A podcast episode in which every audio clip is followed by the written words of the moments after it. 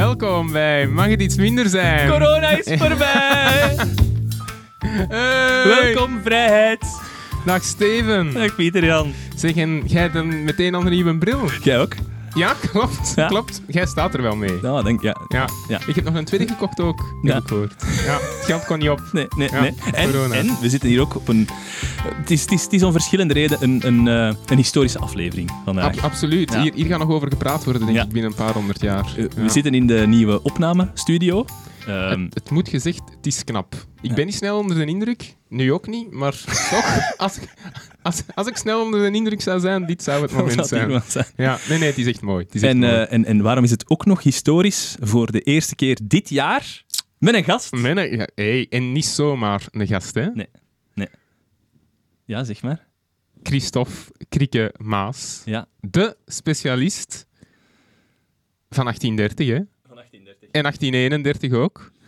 Vanaf daarna Tot daar. stop het. Ja, stop het. nee, dag Krikke. Ja. Dag Christophe.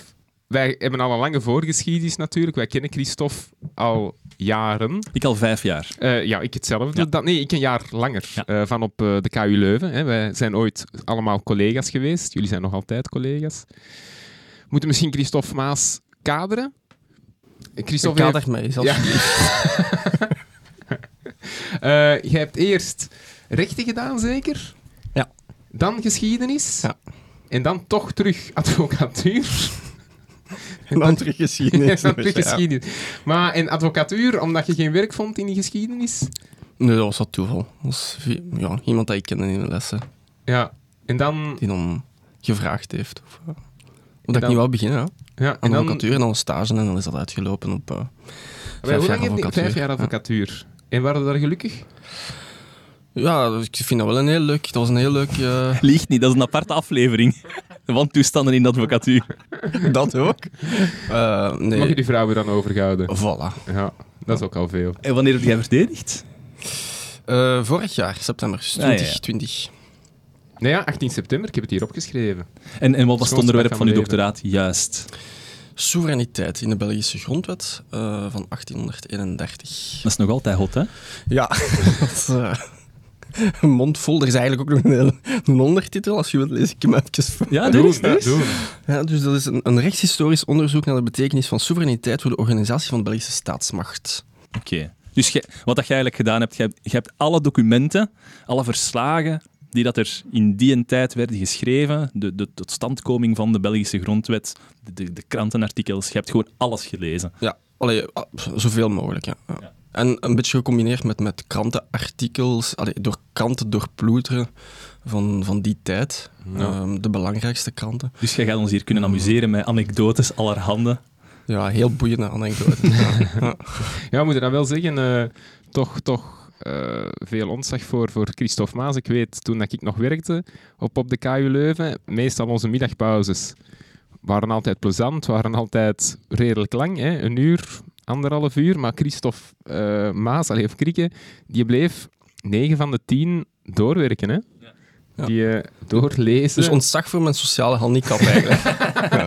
Nee, ik vond, dat, ik vond dat wel knap hoe dat jij je kon concentreren. Dat knip ik eruit, hè. zeg maar zeker. Dat knip ik er gewoon los uit. Deze. Dat blijft er echt niet in staan. Hè. Ja, gezever. Onze afleveringen duren al twee uur.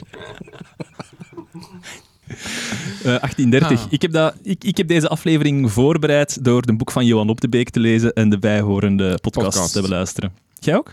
Ik heb hetzelfde gedaan. Wel al enkele maanden geleden. Ja. Eh, we kondigen deze aflevering ook al een jaar aan. Ja, dat is, dat is Dus mijn voorbereiding dateert eigenlijk van, eh, ja, ik denk vorig jaar. Alright. Eh, we zitten hier ook in, eh, in Kortenberg, uiteraard weer. En Kortenberg heeft ook een symbolische betekenis in, in, in deze Nee, nee, sorry. echt, Ja, ja. In, de- in deze podcast, in deze aflevering. Want het gaat over de Belgische grondwet. Maar er is nog een voorganger van, van, van de grondwet eigenlijk. De, de eerste grondwet op het Europese vasteland. Ja. Ja, het charter van Kortenberg. Ik ja, wou het horen, ik wou, ik wou het horen uit uw mond. Maar ik lees Voilà. het op uw voorbereiding. ja, ja. ja. 1312. 1312. Ehm, ik heb heel even opgezocht over wat dat, dat juist ging, want ik wist dat zelf natuurlijk ook niet helemaal van buiten. Ehm, nee, dat was... eh, Er is er eigenlijk één die dat eh, eraan vooraf gaat. Dat is de Magna Carta in Engeland, eh 1215. Ehm, maar we zitten eigenlijk in een periode van de Frans-Engelse oorlog. Ehm, Willem de Veroveraar... Willem de, De Veroveraar 100-jarige oorlog noemen ze dat. ja, oké. Ja. Ja. de 100-jarige oorlog. Die Ja. heeft eh, Engeland veroverd. En ehm, de, de Jan, Jan II van Brabant die zit zo wat gevrongen tussen twee partijen. Die zit zo wat tussen Frankrijk en tussen Engeland. En hij heeft beide nodig. Hij heeft Engeland nodig voor de wolinvoer en hij heeft Frankrijk dan weer al nodig voor de export. En hij denkt, ik ga mij gewoon neutraal positioneren in, in, in Dat deze is dan strijd. altijd tegen Voilà. mij van 1830. Je gaat er toch niet te veel over uitweiden. Um.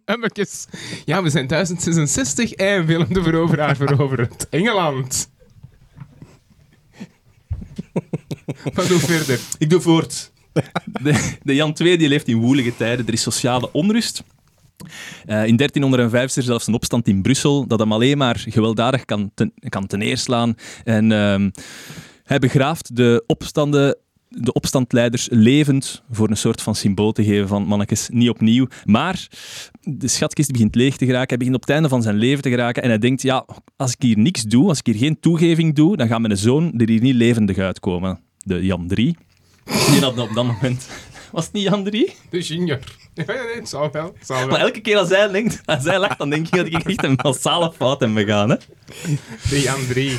De Jan III, 12 jaar, en hij denkt, ja, ik ga toch een paar toegevingen moeten doen. En in de abdij van Kortenberg, hè, hier een boogscheut vanaf, 200 meter vanaf. Bestaat die nog? Ehm, ja. eh, ja, wel, eh, nee, die Ah, is ondertussen afgebrand geweest en, eh, en heropgebouwd. Maar het is op deze locatie... ehm, is het charter van Kortenberg ondertekend. Ehm, getekend door Jan II, die dat zegt eigenlijk geen belastingen meer, eh, behalve de gebruikelijke feodale belastingen, zoals eh, de tot ridderkroning van mijn zoon, eh, de gevangenneming van mezelf of van mijn zoon, of het huwelijk van mijn dochter. Voor die dingen gaan we dan nog wel belastingen vragen. Eerlijke rechtspraak voor rijk en arm, dus geen willekeur meer. En ehm, de vrijheden van de steden en de gemeenten die worden erkend. Er wordt een raad opgericht met... Zeg, en de gelijkheid man en vrouw, staat dat er niet? Tja. Nee, dat staat er niet in. Knip. Knip. Knip. Ik ga veel mogen knippen, hè. Zwijgt niet toch eens, godverdomme. En er komt een raad, een raad met eh, ridders en met eh, vertegenwoordigers van de steden. En die gaan zo'n keer om het jaar bij elkaar komen om te kijken of dat de beloftes wel worden nageleefd. En, belangrijkste van allemaal, er staat in als ehm, de, de hertog zijn verplichtingen niet nakomt, dan heeft het volk het recht om in opstand te komen. Dus dat is eigenlijk een eerste grondwet, Ja, Zo gezegd. sociaal contract. sociaal contract. Ja. Ja. Ehm, Maar is dat nu echt het eerste? Nee, nee, je had, je had eigenlijk al het charter van Albert Kuik, dat denk ik ehm, chronologisch nog ervoor kwam. En dan in die periode heb je ook de, de vrede van Fex, dat is in Luik. Dus je hebt zo, in die periode wel zo van die oorkondes die worden afgekondigd, waar daar rechten en vrijheden worden toegekend aan, aan ehm, dat gaat natuurlijk over de politieke elite ten opzichte van een soevereine prins of iets dergelijks, de, de heerser, zeg maar. Ehm, de Joyeuse Entrée is ook zo'n voorbeeld. Hè? Dus de blijde inkomst, eh, dat zijn allemaal van die charters. Nu, die zijn, die zijn achteraf wel van belang. Zeker ook in die context van die Belgische revolutie wordt daar wel altijd naar verwezen, omdat het een soort legitimatie geeft voor met wat dat ze bezig zijn. Eh, ook voor het soort nationaal bestaan dat ze dan gaan hebben. Dus eh, België bestaat eigenlijk als een gemeenschap al wat langer dan, dan toen. En toen hadden we eigenlijk ook al eh, hadden vrijheden en rechten die we probeerden af te, af te dwingen. Ehm, en dat is, dat, dat dus van belang voor een nationale legitimiteitsgrond. Eh, dat gaat nadien ook van belang worden, ehm, maar dat, dan spreken we eigenlijk niet meer over 1830, maar over de periode daarna, wanneer dat de strijd tussen liberalen en, en eh, katholieken gaat losbarsten.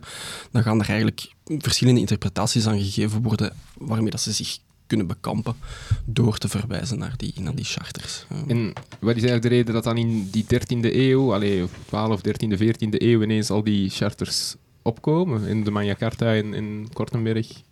Is daar iets in dat tijdsgevricht dat, dat ervoor zorgt dat de vorst op dat moment zwakker staat of zoiets, het centraal gezag, en dat men toegevingen kan afdwingen? Wel, dus mijn, mijn, mijn kennis is enkel 1830. maar eh, ik vermoed inderdaad dat er wel ehm, religieuze, religieuze twisten zijn. Er is wat eh, onzekerheid. Ehm, er zijn oorlogen die, die uitbreken. Ehm, en dat heeft allemaal repercussies op verschillende vlakken ehm, voor, voor die politieke elite. Ehm, en die maken daar soms gewoon handig gebruik van om, ehm, of, of die, die, daar, die, van, die moeten daar eh, zware tollen voor betalen. In termen van menselijk kapitaal, van, van financieel kapitaal. Dus die proberen daar natuurlijk munt uit te slaan. Ehm, Maar dat, is- dat, is, dat, is, dat is een andere achtergrond, denk ik wel, dan, Ja. eh, dan, de, eh, dan de 17e, 18e, 19e eeuw. Wat was de achtergrond van de Belgische revolutie? Napoleon. Ja? Ja, vertel. nee, ja, eh, 1815. Ja. Eh, Napoleon wordt definitief verslagen in, in Waterloo. Eigenlijk, ja, daarvoor was hem al verslagen. Eh, Leipzig, de, de, de Franse campagne en ja, het congres van Wenen eh, start, waar dat dan de, ja, noem ze geallieerden van, van die tijd samen zitten om, om de kaart van Europa te hertekenen. En ja, er is de vraag, wat gaat er met, de, met België eigenlijk met de Scheldemonie gebeuren, denk ik. Hè? Dat was toch voor Engeland... Ja, en ze willen natuurlijk op dat moment, eh, dus ze gaan daar de koek verdelen, zeg maar, die, die grootmachten. En ze willen in eerste instantie vermijden dat er opnieuw een oorlog uitbreekt op het continent. Eh, en wat is dan de eerst mogelijke stap? Dat is natuurlijk Frankrijk proberen buitenspel te zetten ehm, door bufferstaat op te richten. Ehm, en die vinden ze dan in Nederland. En wat bedoel, je dan, wat bedoel je juist met zo'n bufferstaat? Wat houdt dat dan concreet in? Ehm, geen idee. Dat Frankrijk niet, niet zomaar ehm, kan doorstoten via de haven van Antwerpen naar, naar Engeland? Of, want er zijn toch ook havens in, in Antwerpen, denk ik dan? Of, eh, in, in, in, eh, in, in Frankrijk zelf, die dat daarvoor opgewassen Ja, zijn? maar, maar natuurlijk, de, de belangrijkste havens in die regio, die liggen daar eh, meer in het noorden. Je hebt de, de, enfin, alle belangrijke havens liggen eigenlijk ehm, van die regio ehm, liggen in de Nederlanden. Ik denk dan aan Antwerpen, Rotterdam, denk ik. Ja, wel, ik heb daar vorige week denk ik nog iets over gelezen. Ik weet niet meer in welke context. Eh, maar effectief, dus wat jij zegt nu, eh, Christophe, dat Frankrijk zelf, dus het land wat wij nu kennen als Frankrijk, dat in het noorden geen goede Atlantische haven heeft. Enkel kleinere dingen. Ik denk de enige goede Atlantische haven ligt in Bretagne, Brest of zoiets, of heet dat? Maar omdat dat toen zo geïsoleerd lag, hè, ergens in een uithoek, die aanvoerroutes waren niet goed. Dus eigenlijk, had- ah, ik denk dat in de context van oorlog Engeland-Frankrijk was. Van waarom komt Frankrijk, eh, had, had Frankrijk eh, op de zee problemen met Engeland? Omdat men eigenlijk geen goede haven had op dat, eh, op dat stuk. In het kanaal. Dus een, goede havenslagen. Denk ik in het Middellandse zeegebied, misschien zuidelijker ook wel, Atlantisch Oceaan, maar dus op die plaats. niet. dus ik denk dat daar Ja, het belang ook van eh, En, en dat is natuurlijk het financiële aspect, maar natuurlijk, als je gaat kijken naar het verleden, alle belangrijke oorlogen die gevoerd zijn, het, het echte strijdtoneel, die, dat ligt in de Nederlanden. En wanneer Frankrijk wil expanderen, naar waar gaan ze natuurlijk gezien expanderen? Ja, Spanje is eigenlijk te groot, Duitsland dat kan ook een probleem vormen. Ehm, dus, dus het gemakkelijkste ligt natuurlijk in de Nederlanden om daar territorium te gaan graaien. Eh, en ze willen dat vermijden door daar ook een, een sterkere staat op te Mm. richten. Ja, want er zijn nog geen natuurlijke grenzen hè? tussen, ehm, tussen Frankrijk en, en België. Eigenlijk alleen dat is gewoon een vlakte waar dat je. Ja. Met Duitsland zou dan nog de Rijn kunnen zeggen, bijvoorbeeld? Ja, ja, ja, wel, ja in Spanje eh, de, de Pyreneeën, Ja. dus je hebt daar ergens wel grens. Maar ja, eh, België, Frankrijk, dat is. Oké, goed. Ehm, het probleem is, daar zit geen koning meer in Nederland. Dus ze willen daar... allee, Verenigde, Verenigde Nederlanden, Nederland en België dan. Vermoed ik dat ze daarmee beoogden, maar daar zit geen koning meer. Niet eh, meer? Of nooit gezeten. Ah, krieken. Niet meer. Die is gevlucht, hè? Dus, eh, Hoe, er was toch geen koning? Dat was toch een stadhouder? ja, maar Willem, Willem komt uit, eh, uit Engeland. Hè? Ze halen die terug uit, uit Engeland. Ja. Ehm, Ah, ja, maar daarvoor dat was eigenlijk de inderdaad- erfgenaam. Dat was denk ik de erfgenaam ehm, van de voormalige stadhouder. Ja. moeten laten uitklappen. Ja, ja, ja ik, ik moet bij je eventjes aan het Nee, woord nee, nee. Ah, wel ja, nee, ik wou, ik wou, beamen. Ah, ja, ja. Nee, nee, eh, ik wou ergens, wie zei het, stadhouder, hè, dat, dat, dat er geen koning eh, was. Ja, dat laatste koning eigenlijk. Philips was zeker. Ja, Felipe. dus het, stadhouderschap was op een gegeven ogenblik wel erfelijk geworden. Ja. Dus dat had eigenlijk inderdaad een monarchaal karakter.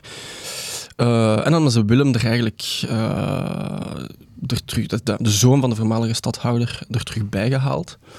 In één woord, een Desterkloot. Ah, wel, als ik, als, ik, als ik de woorden van Johan Op de Beek mag geloven, dan was dat echt een desterkloot. Zo een dat eh, van, van beide walletjes at. En als hem er dan ja, als hem dan zijn pollen verbranden of zoiets, dan was het, oh, oh mijn heren, mijn Ja. excuses dat Ah, ik, ja, dat ik voilà. u heb... Ja, Niet goed van de beide Do- welke zeten. Ja, het ja, het ja. ook duidelijk in plain sight van beide welke zeten. Ja. en dan als hij betrapt wordt, los door het slijk Ja. gaan. Payet? Nee. En, en die wordt dan gekozen als, eh, a- als koning? Nee, die wordt dan eerder gekozen als voorlopig bevelhebber. Ehm, als, ehm, ik denk als soevereine prins. Ja, oké. eh, wat het niet helemaal hetzelfde was. Eh, en het is pas eigenlijk bij de. Dus aanvankelijk eh, hij wordt ehm, aangesteld voor de noordelijke Nederlanden. Ehm, en het is pas een jaar later, nadat Napoleon eigenlijk definitief verslagen zal worden, dat ze daar de zuidelijke Nederlanden aan gaan, gaan toevoegen. En dan gaan ze de, de grondwet, die eigenlijk al in 1814 was opgesteld, ehm, gaan Voor, ze die Neder- wa- voor Noordelijk Nederland. Ja. voor Noordelijke Nederland, inderdaad. Ja. Gaan ze die een klein beetje... Of, klein beetje, ze gaan die, ze gaan die op aanzienlijke punten wel wijzigen. Ehm, En de reden waarom dat. België daar nog niet bij zat, was omdat Frankrijk België nog altijd onder controle had. Ehm, ik denk het wel, ja. Ja. En was er een beweging van onderuit? Nee. In de zin van dat, dat er onder de bevolking een, eh, eh, een idee was van laat ons terug samenkomen, één groot Nederland of een, een Verenigd Koninkrijk der Nederlanden. Nee, dat was enkel de, de tafel dus in Wenen die... Inderdaad. Dus dat Ja. werd echt zo boven het hoofd van ehm, de, de bevolking. Van de bevolking is misschien niet echt een juist woord, van de politieke elite van, een, van de zuidelijke Nederlanden beslist. Ze vinden dat ook echt niet, niet aangenaam. Hè? Dus je ziet dat duidelijk ook in die, die kranten en de pamfletten van, van het moment. Dat er wordt gezegd, kijk, eh, we willen niet als... ja, België geassi- volledig geassimileerd worden met eh, de noordelijke Nederlanden. Dus daar moet wel een soort eh, eh, variatie in blijven. Ehm, geen complete nivellering tussen, tussen beide bevolkingsgroepen. Hou rekening ook met onze gewoontes enzovoort. enzovoort. Ehm, wat die Belgen er ook doorkrijgen, is dat het parlement, of de Staten-Generaal, gaan mogen stemmen over de begroting. Dus de centen. Hm. Eh, wat dan natuurlijk vanuit de ontwikkeling van een parlementair systeem heel belangrijk is, om controle te kunnen houden op de regering. Eh, Zolang dat je over de centen eh, kunt oordelen, heb je eigenlijk controle op, op in belangrijke mate op de regering. En dus wat ze gaan doen, is ze gaan zeggen, ja, wij willen eigenlijk in de plaats van dat de, de begroting voor eeuwig en altijd eh, is vastgelegd, Mhm. eh, willen wij een soort tienjarige begroting. Ze gaan dat eigenlijk opsplitsen in een tienjarige begroting voor de grote, belangrijke uitgaven en een eenjarige begroting voor minder belangrijke, courantere dingen. Ehm, en natuurlijk, nadien gaat je zien dat de regering en Willem zoveel mogelijk gaan proberen die tienjarige begroting te krijgen. Want natuurlijk, ja, dan is er tien jaar eigenlijk geen controle op wat er wordt uitgegeven. Eh, dat gaat trouwens een van de belangrijkste problemen worden ook, die gaan aangekaart worden in die Tweede Kamer. Ehm, Die Willem, die wil meer op de voorgrond Ja. treden, hè? Ja, dus die is, dat is inderdaad zo'n beetje patriarchaal idee hè, van de monarch die eigenlijk eh, de hoeder is van zijn volk. Ehm, en daar gaan eh, tussen 1815 eh, en 1830, en vooral in die, die, die laatste tien à vijf jaar voor die Belgische revolutie, gaan daar gigantische twisten bestaan tussen de zuidelijke oppositie en de, de, het noorden en de regering. ehm, over de interpretatie van de grondwet. Uh, er staan van alle dingen in, er staan ook van alle dingen niet in. Ehm, en natuurlijk is een van die dingen, ja, tot waar eh, reikt de macht van de regering eh, of van de koning? En, Ehm, en die regering die was, ik kan het nu Hollands noemen. Er zaten geen ehm Belgen in, allee, of Jawel, zuidelijke. jawel. Ah, Ja, er, zaten, er zaten Belgen in. Hè, dus er, zijn ook zeker in die... Je moet ook rekening houden met die, in die adellijke kamer...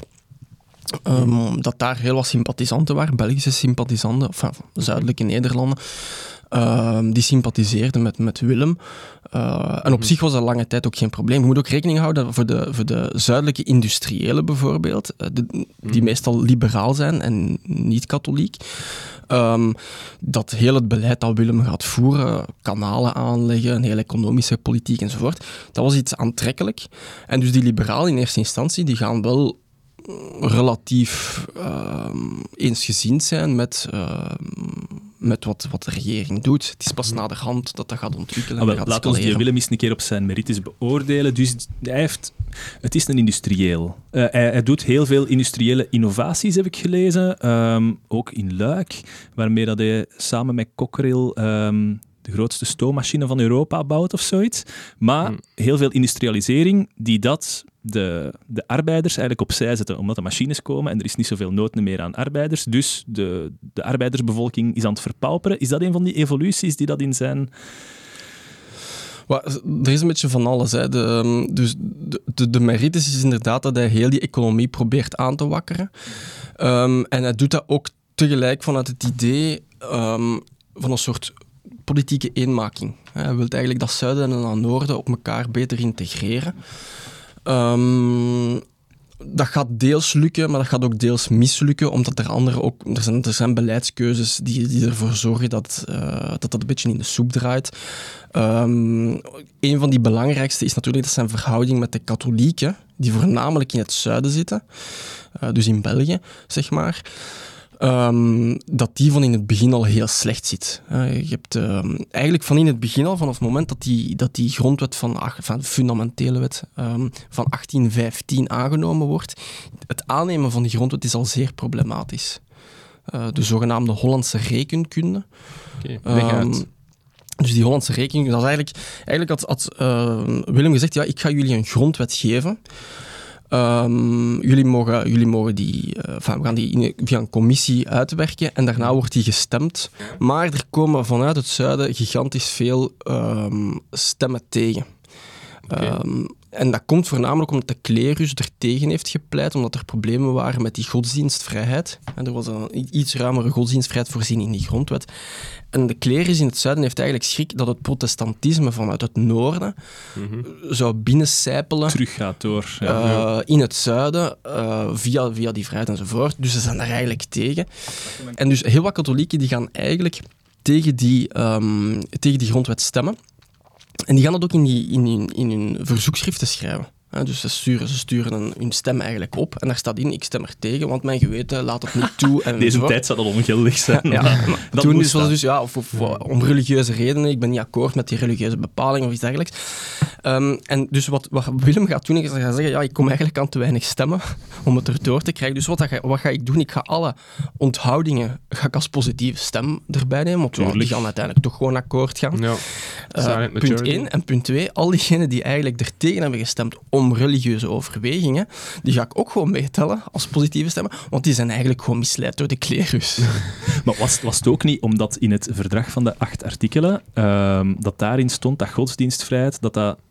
Wacht, het verdrag van de acht artikelen, waarbij dat dan de internationale mogendheden hebben gezegd, goed, hier... het congres zijn we dan terug. Congres van Ja, Wenen. ja, ja, ja, bij het congres van Wenen. Dat ze toen hebben gezegd, hier, die Nederlanden die mogen bestaan en godsdienstvrijheid, dat mag geen issue meer zijn. En hij zegt Ja, ja. eigenlijk, ja maar nee, als jij tegen die godsdienstvrijheid bent, dat kan al niet, want dat staat al in dat, ver- in dat verdrag van die acht artikelen. Hier Dus je moet daar nu niet meer mee afkomen. Hier kan ik niet aan veranderen. ja, Ja, absoluut. dus, En, en er, er zijn, er zijn echt wel genoeg argumenten voor, voor eh, de regering en voor, de, voor, voor Willem om eh, op dat moment te zeggen: Ja, oké, dat komt allemaal wel goed.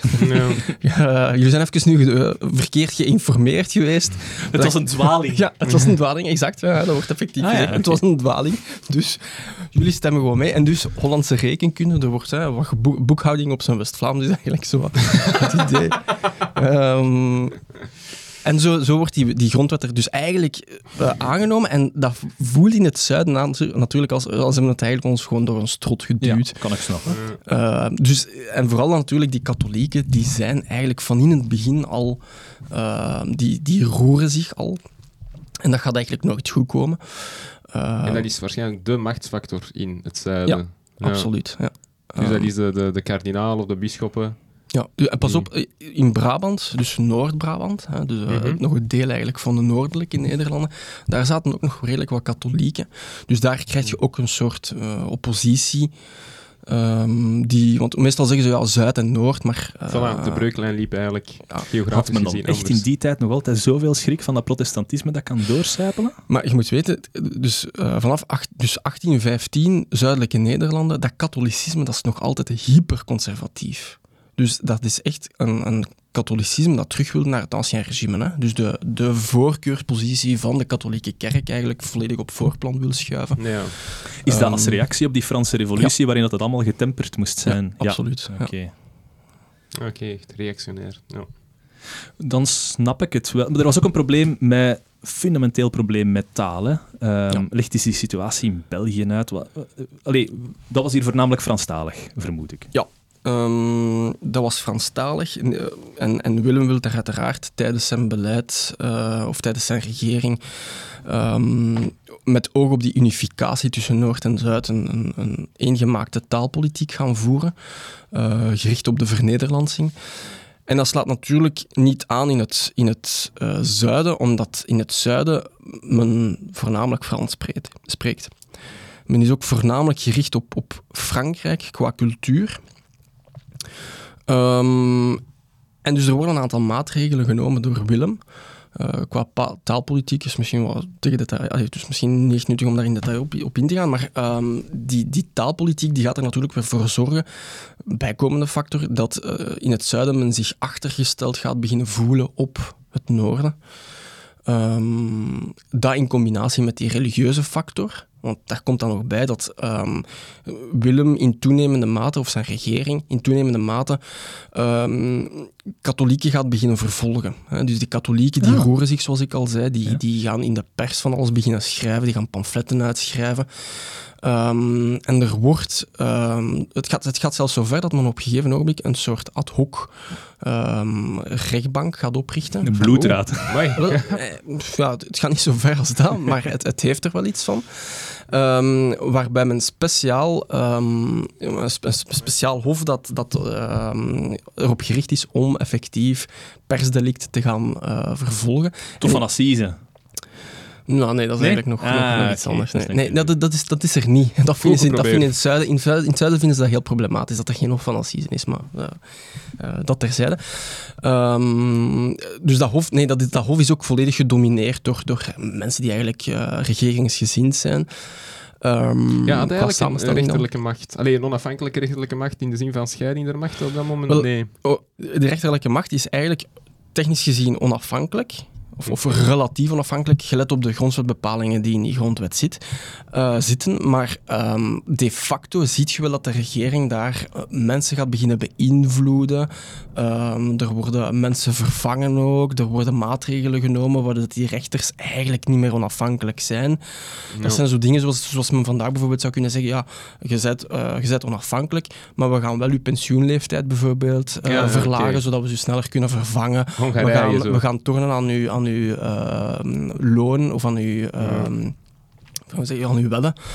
Ehm, dus als je te veel tegen ons schenen stamt, dan... Ja. eh, dus die, die rechterlijke macht die geraakt wel onder invloed van, eh, van de regering eh, gradueel. Ja. En dan zie je ook dat er veel meer veroordelingen beginnen komen ehm, van zuidelijke oppositieleden.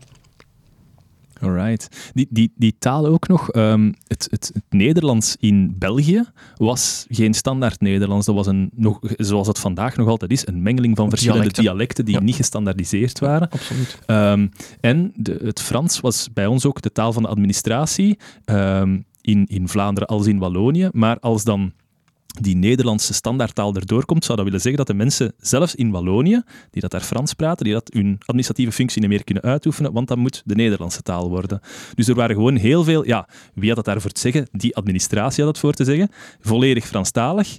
Die moet dan ineens Nederlands beginnen leren en als ze geen Nederlands kunnen, ja, buiten en vervangen door iemand anders. Dus dan schopt het wel ineens tegen de schenen van de gevestigde orde in, in de zuidelijke Nederlanden. Ja, ja, absoluut. En, en je moet ook re- rekening houden aan een heel deel van die politieke eliten in de zuidelijke Nederlanden.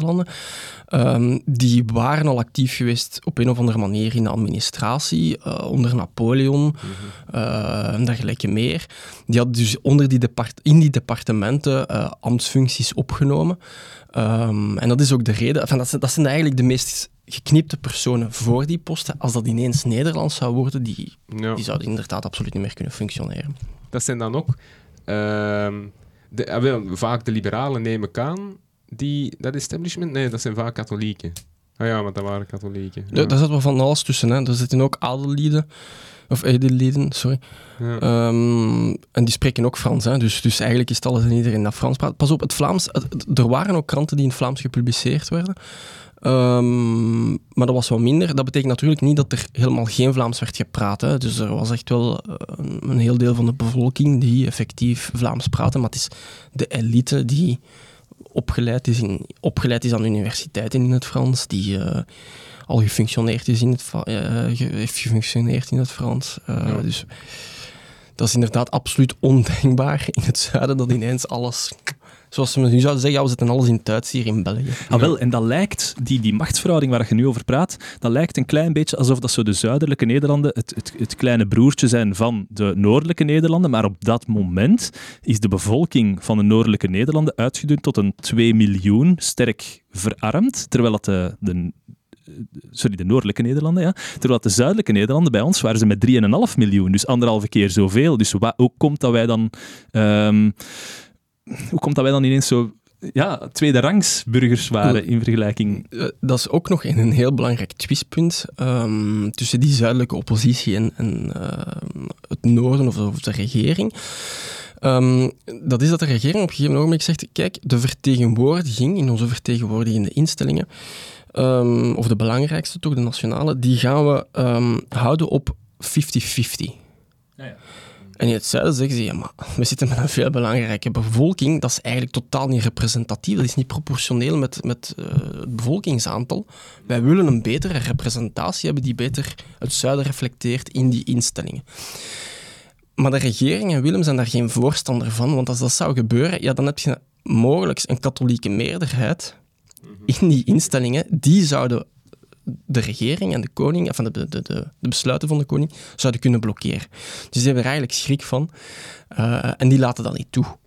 Ehm, Ja, eigenlijk Willem één, je wou gewoon tabula rasa in de zin van ik zie geen Belg, ik zie geen Hollander. We zijn nu gewoon allemaal burgers van die nieuwe staat en we beginnen vanaf een, een blanco blad. Wel, dat natuurlijk was- niet zo werkt. dat, was het, dat was het opzet, ja. Ja. Ehm, en en er, zijn, er zijn zeker goede maatregelen geweest daartoe. En er zijn andere maatregelen die eigenlijk mm, niet succesvol waren. En eigenlijk van bij aanvang wel al goed kon inschatten van... Hm, Ja, als men er wel langer had over nagedacht misschien. Er is ook een scène in een boek van Johan op de Beek waarop dat Willem eh, eigenlijk nog met het congres van Wenen, toen dat hem er nog maar juist was aangesteld als die, eh, die prins van de Nederlanden, dat hij naartoe komt, compleet onuitgenodigd, en dan iedereen denkt, gast, wil jij het alsjeblieft eens afbollen? Dat hij daar van het kastje naar de muur wordt gestuurd, om maar te zeggen dat hij niet echt wist waar dat zijn plaats was. Die een dacht overal wel mee weg te komen. Maar oké, dat kan maar eh, misschien hebben we hem niet, dan, als ik het zo hoor, te ehm, negatief aangekondigd in de zin van Desterkloot. Ik hoor precies ook wel dat hem goede dingen Ja, heeft ja, gedaan. absoluut. Hè. Trouwens nog niet zo lang geleden eh, in Gent ook een, een standbeeld Ja, ja, ja. Echt? opgericht en, en ehm, gehuldigd, denk ik, eh, om hem toch iets beter positief Ja, daglicht te stellen. En ik ik denk ook dat dat terecht is. Ja. Je, je moet trouwens ook goed beseffen, dus die zuidelijke, ehm, zuidelijke oppositie, in alles wat dat ze schrijven, eigenlijk richten die zelden hun pijlen op de koning zelf. Hè. Dus dat gaat altijd op regeringsleden, voornamelijk dan de, de minister van Justitie van Manen. Ehm, die dat hier zat, hè, in Brussel. ja, en dus die, die is eigenlijk kop van Jut voor het zuiden. Eh, die is ook eh, heel... Die heeft, die heeft een, relatief eh, autoritair idee van de monarchie ook. Ehm, dus die ziet eigenlijk ook zelfs die, die, die, grond, van die, ja, die grondwet van 1814-15, die vindt hij eigenlijk ook al wat te liberaal. Als het aan hem had gelegen, dan had hem die nog een stukje strakker aangescherpt. Ehm, in het voordeel van Willem dan.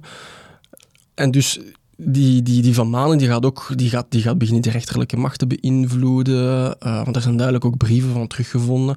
Ehm, die gaat bepaalde beslissingen proberen door te drukken, waarbij dat oppositieleden vervolgd worden enzovoort. Ehm, en dus daar gaat de zuidelijke oppositie elke keer eh, zijn gram op willen halen. Ehm, door daar heel wat kritiek ehm, naar zijn hoofd te slingeren. Eh, en dan zit je met, een, met, een, met nog een groot probleem dat zich eigenlijk ontwikkelt eh, in, heel dat, in heel die discussie tussen Noord en Zuid, zeg maar. Dat is dat ze eigenlijk kritiek hebben op de ministers. Ehm, en en daarbij komt nog dat die ministers eigenlijk niet verantwoordelijk zijn. Die hebben geen enkele politieke verantwoordelijkheid. Ah, ja. Want, zegt Willem, ja, Wacht, wat is dat politieke verantwoordelijkheid? wel, politieke verantwoordelijkheid is dat je eigenlijk eh, uitleg zou moeten kunnen komen geven aan eh, het parlement. Zo verstaan we het eigenlijk vandaag. Ehm, er bestaat wel discussie, maar in die tijd werd het eh, in eerste instantie voornamelijk strafrechtelijk beschouwd ook. Ehm, als er een minister een, grove schendingen maakte binnen zijn functie, dan zou die eigenlijk eventueel kunnen vervolgd worden of iets dergelijks. Ehm, en dus die ministers van die regering die zijn eigenlijk niet verantwoordelijk, want het hoofd van de regering is de koning. En dus eigenlijk zou hij degene zijn die, moeten, die, die verantwoordelijk is, maar er zijn wetten tegen majesteitsschennis. Ah, ja, dus van het moment dat je kritiek hebt op de koning, dan word je vervolgd. Dus kritiek hebben op een minister is kritiek hebben op de koning. Exact. Ja. Waarop dan men in het zuiden zegt, ja, maar ja, als je geen politieke verantwoordelijkheid hebt en er zijn majesteitsschenniswetten, ja, dan is er eigenlijk niemand verantwoordelijk van de regering. Dan doet hij gewoon maar wat hij wilt. Ehm, en dus de kritiek die dan gegeven wordt, onder andere op Van Maan enzovoort, ja, die, die wordt ook daadwerkelijk ehm, gesanctioneerd door vervolgingen van journalisten. Ja, Eh, zoals de Potter. Ik denk dat het misschien een moment is om de Potter eventjes eh, te vermelden. Zo'n een van de sterkgewichten van Ja. de revolutie. Ja. journalist. eh, ja, katholiek ook. Ehm, De West-Vlaming. Een beetje filosofisch type zo. Ehm, en die richt zich inderdaad tegen, tegen die regering. Dat wordt eigenlijk een beetje het boegbeeld eh, van, van die oppositie. Eh, vandaag echt totaal niet meer bekend. Je hebt een beetje een, een, een damnatio memoria gehad. Hè. Dus Ja, eigenlijk, heeft bijna- hij een standbeeld? eh, ik, oh, ik denk het niet. Hij staat wel... Dus het, het- het- er is zo'n een schilderij dat heel bekend is. Eh, nee, niet van, het van het voorlopig gebied van Gustav Wappers. Dat hangt uh, Museum van Schone Kunsten. Dat is eigenlijk die, de- het bekendste schilderij van de Belgische Revolutie. En daar, daar prijkt hij wel op. Een man met een, een kaal hoofd. Ehm, Waarom was die zo bijzonder? Ik dacht dat je ging vragen waarom was die zo kaal? Ehm, die is bijzonder omdat die eigenlijk ehm, die oppositiebeweging kanaliseert. Ehm, en die gaat eigenlijk op een, op een meer filosofisch type, politiek filosofisch type, beargumenteren wat dat er schort aan het hele politiek systeem. Ehm, die hamert ook op die, die vrijheden, die belangrijke grondrechten, vrij meningsuiting, persvrijheid enzovoort. Ehm, en die gaat eigenlijk het, het, met zijn pamfletten zeg maar, het, het heft in eigen hand nemen eh, om, om die oppositiebeweging tegen Willem en tegen de regering eh, aan te wakkeren. En daar, daar gaat ook gevolg aan gegeven worden. Dus ze gaan men eigenlijk eh, zowel bij de katholieken, maar dat gaat ook kalmpjes aan bij de liberalen gebeuren, ehm, dat er publicisten zijn die de pen gaan opnemen en ehm, tegen de regering of tegen het beleid gaan. Dus hij kan die twee fundamenteel verschillende stromingen die elkaar niet kunnen rieken of zien, die, die liberalen en die katholieken, hij gaat die enigszins één stem geven. Wel, eh, laten we zeggen dat hij de. de um, hij gaat een soort vruchtbare eh, bodem, hij gaat, de, de bodem bevruchten om eh, een soort samenwerking ehm, te kunnen bewerkstelligen. Het- Het is niet de Potter zelf die die samenwerking eh, rechtstreeks gaat, gaat ehm, ehm, in elkaar steken. Dat zijn, dat zijn andere, onder andere de Gerlache, Paul de Vode. ook- De is een, een aristocraat, katholiek aristocraat. Is dat geen Poolreiziger? Ja, ja, dus dat is een van de afstammelingen eh, van de Gerlache. De Gerlache is eigenlijk een van de belangrijkste katholieke eh, voormannen eh, in die Belgische revolutie. En dan heb je Paul de Vaux, dat is eigenlijk een journalist, ehm, die samen met Le Beau, nog zo'n naam die we eigenlijk niet kennen, maar die, die echt wel, dat zijn echt boegbeelden van die Belgische revolutie. En van, dat zijn echt de founding fathers, zeg maar, van het België en van ehm, de Belgische grondwet. Die, gaan, die gaan eigenlijk zorgen voor die, die samenwerking. Want liberalen en katholiek kunnen elkaar aanvankelijk ook echt niet luchten. Hè? Maar er komt een moment waarop dat ze zeggen, oké, we haten elkaar, maar we haten Willem gewoon nog meer. Enfin, Willem, maar de, de, de regering eigenlijk, die haten we nog meer. Dus laten we, elkaar, laten we nu de handen in elkaar slaan en eh, achteraf zien we wel wat er uh, tussen ons vijand. Ja. Dus dat is eigenlijk het monsterverbond, l'Union fait la force. En wij denken altijd l'Union fait la force, dat is hè, in de hedendaagse context, hè, Nederlandstalig, Franstalig samen en dan zijn we sterker. Maar het is eigenlijk katholieken en liberalen. Ja, maar het, is wel, het, het idee is wel nog altijd enigszins wel hetzelfde natuurlijk, want het gaat over eh, ideologische opvattingen die volledig verschillend zijn. Wat dat je misschien nog altijd zou kunnen zeggen over Noord en Zuid in België.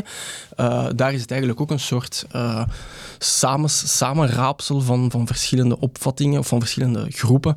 Ehm, die samen wel uh, een verbond kunnen vormen tegen, tegen nooit slechter. Dat zie je, dat zie je zoveel. Hè. We hebben dat ook een aflevering over de Arabische revolutie gedaan. Dat is ook hetzelfde. Hè. De dat, vijand van mijn vijand is mijn maar ja, dat ineens al die oppositiepartijen en dan ja, gewoon zonder na te denken over wat als we nu de, de gevestigde macht verdrijven, maar wat komt erna? Dan, zie, ja, dan zien we dan wel. Dan komt er wel iets en dan inderdaad, ja. Zeg maar, die, die in de Potter, door zijn geschriften en door zijn pamfletten, die moet toch op de radar van Van Manen zijn gekomen? Ja, dus die, op een gegeven ogenblik wordt die opgepakt.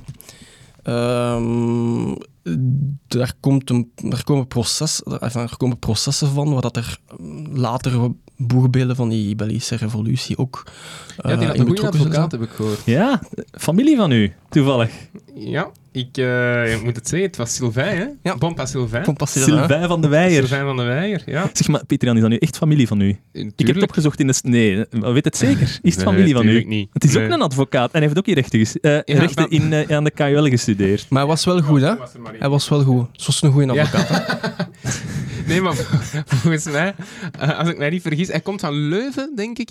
En hij is eh, nadien naar, naar, naar Londen, eh allee, heeft naar Engeland, eh, Groot-Brittannië vertrokken. Hè? Dus ik denk niet dat mijn lijn eh, aan zijn lijn zal komen. Allee, fijn, zijn... ehm, Maar hij is nog Zijn heel even minister geweest, hè? Een van de kortste... eh, nee, wat zeg ik? Eh, ja, regeringshoofd. Eh, ja, ja, de belangrijkste, hè? Dus wacht, Ja. hè. Ja, niet het belangrijkste. Ik denk dat de kortste... De kortste Dat de dat knipt er maar geschiedenis is gewoon vier dagen of zoiets. Ja, oké, maar eh, het is er toch... Hey, is er een verbijst? Is er, ooit, is er ooit een minister verbijst geweest? Nee, maar er is wel een, een ijzersmelterij in Brussel eh verbijst. ja. ja, ik moet het nemen waar het ligt, hè. Ja, ja klopt. Eh, wat is die in de Potter? Die staat daar in die rechtbank en die wordt daar verdedigd door hè, Pieter Jansen en Bompa, Bompa Sylvain van de Weijer, eh, maar ook een Jean de Bien, zeker? Ja. En, en, en, en ik denk Ja, als we dat- die drie namen noemen, dat we echt wel de En van, drie van Menen misschien ook. Dat is nog eigenlijk iemand, dat is een naam die eigenlijk totaal niet gekend is, maar eigenlijk ook een van de grote namen is van die, van die eh, Niet te verwarren met. Van Manen. Nee, ja, inderdaad. En, en dat is wel een leuke anekdote misschien. Of een leuke. Ehm, niet zo saaie anekdote. Ehm, dus, dus later in, dat grondwetgevende, in die grondwetgevende vergadering van België, ik ben, ik ben een klein beetje vooroplopen op de feiten, maar er is dus een, vergadering die een grondwet zal opstellen. Ehm, is er ergens op een gegeven ogenblik iemand die zegt, ja, ehm, mijn, mijn voorganger hier, meneer Van Manen, eh, zegt hier dat, en ineens ontploft heel die vergadering. Zegt, het zeggen? Dat is Van Menen. Van Menen. Oh, oh. hij kan niet snel genoeg zijn om te zeggen, sorry, sorry, sorry. Ik bedoel Van Menen, niet Van Manen. Eh om hoe- laten hoe duiden hoe dat gehaat dat Van Manen ook wel, wel was. Hoe staat dat dan in die transcripts? Lees dan... Ah, wel, je hebt die transcripts gelezen. Hoe staat het er dan in? Dat, al die beroering, er staat gewoon Ah in- ja, nee, dat staat altijd zo... Je hebt zo'n... Een, ehm, Maar lees dan dingen van smeerlap en... Eh, ja, eh, eh, laten we zeggen dat de- wat ik heb gelezen een beetje de gepolijste versie is. Ehm, maar in de originele, zijn, de- ja, de originele dingen zijn wel... Dat wordt soms wel echt scherp eh verwoord. Hè. Dus je kunt dat ook allemaal terugvinden in de, Wat de staat kranten dan? van De toen. die die roept, Smerlap?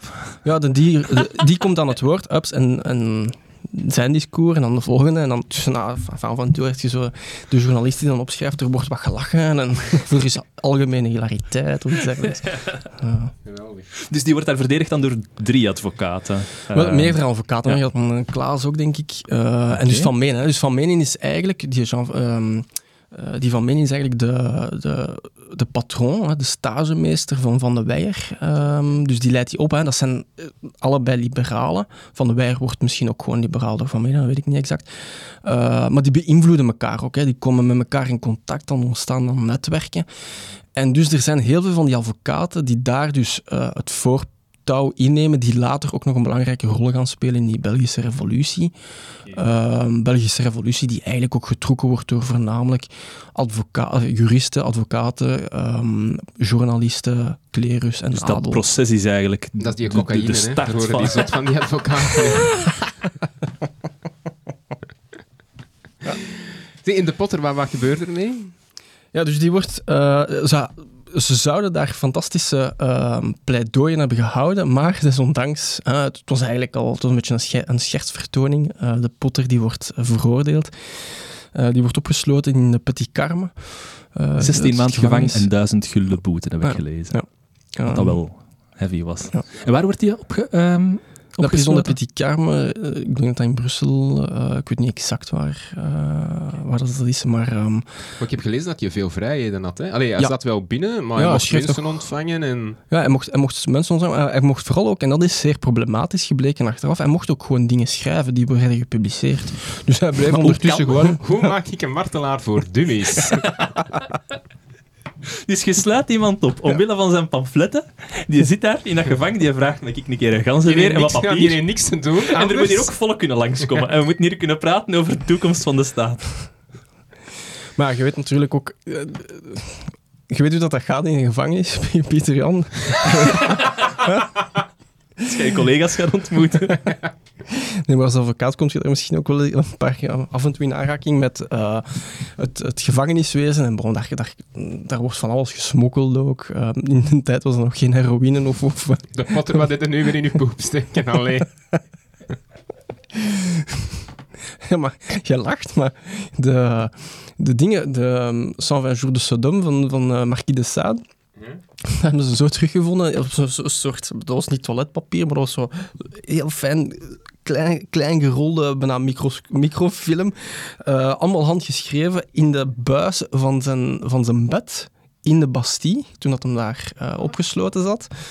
Um, dus ja, de, de, manier waarop ze alle, alle dingen verstoppen en, en, en uh, smokkelen, okay. uh, dat was en, toen wel al... En is dat belangrijk dat hem daar mensen kan blijven ontvangen? Ik vermoed dan van wel. Dat. Ja, dat is natuurlijk een kwestie van, van connecties onderhouden um, en kunnen en, blijven communiceren met de buitenwereld. En wanneer zitten we nu? We zitten nu ergens eind jaren twintig. Ja. En gaat hij ook... Wacht, hè, want had gezegd, op dat moment zijn we nog niet zo'n grote tegenstander van de koning. Eh, van, ja, van de koning, dus van, van Willem. Uh, maar heb ik het dan juist als, als de Potter op dat moment wel zijn, zijn pijlen begint te richten op de koning en publiekelijk de koning begint aan te vallen? Sorry, kun je je vraag even Ja, uh, dus je had gezegd, tijdens, tijdens die revolutie, het heeft lang geduurd eer dat ze hun pijlen rechtstreeks begonnen te richten op de koning. Het was eerder op de regeringsleden en over het beleid dat niet deugt. Maar is het de Potter die op dat moment, als hem daar in het gevangen zit, de koning rechtstreeks begint aan te vallen? Wel, er, is, er, is een, er zijn wel brieven die echt gericht zijn aan de koning, hè, de lettre de Mophile Roi. Um, dat zijn brieven, dus, dus de brief van de, uh, de volksgezinde aan de koning. Um, dat zijn natuurlijk gericht aan de koning, maar eigenlijk gaat het altijd over de regering. Um, dat gaat over de, enfin, Willem is natuurlijk ook diegene die daar wat achter zit, maar die zal nooit echt um, oneerbiedig aangepakt worden. Of toch zelden oneerbiedig. Het is vooral echt wel die, die van mannen. En dat blijft ook zo. Hè.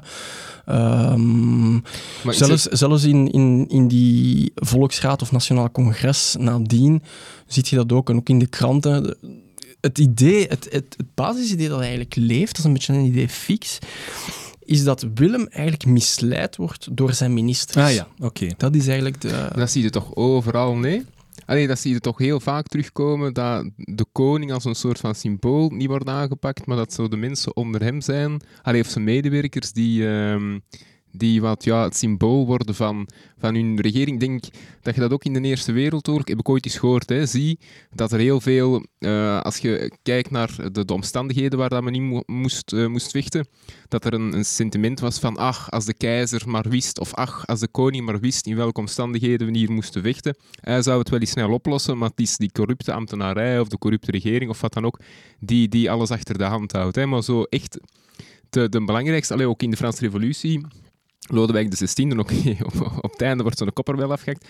Maar heel lang is de kritiek ja. erop veel minder. Hè? En is dat wel nog de vader, vader des vaderlands. Ja, ja, absoluut. En dat is natuurlijk met dat idee van een monarchie, hè, dat is zo ingebakken, denk ik, in de geesten.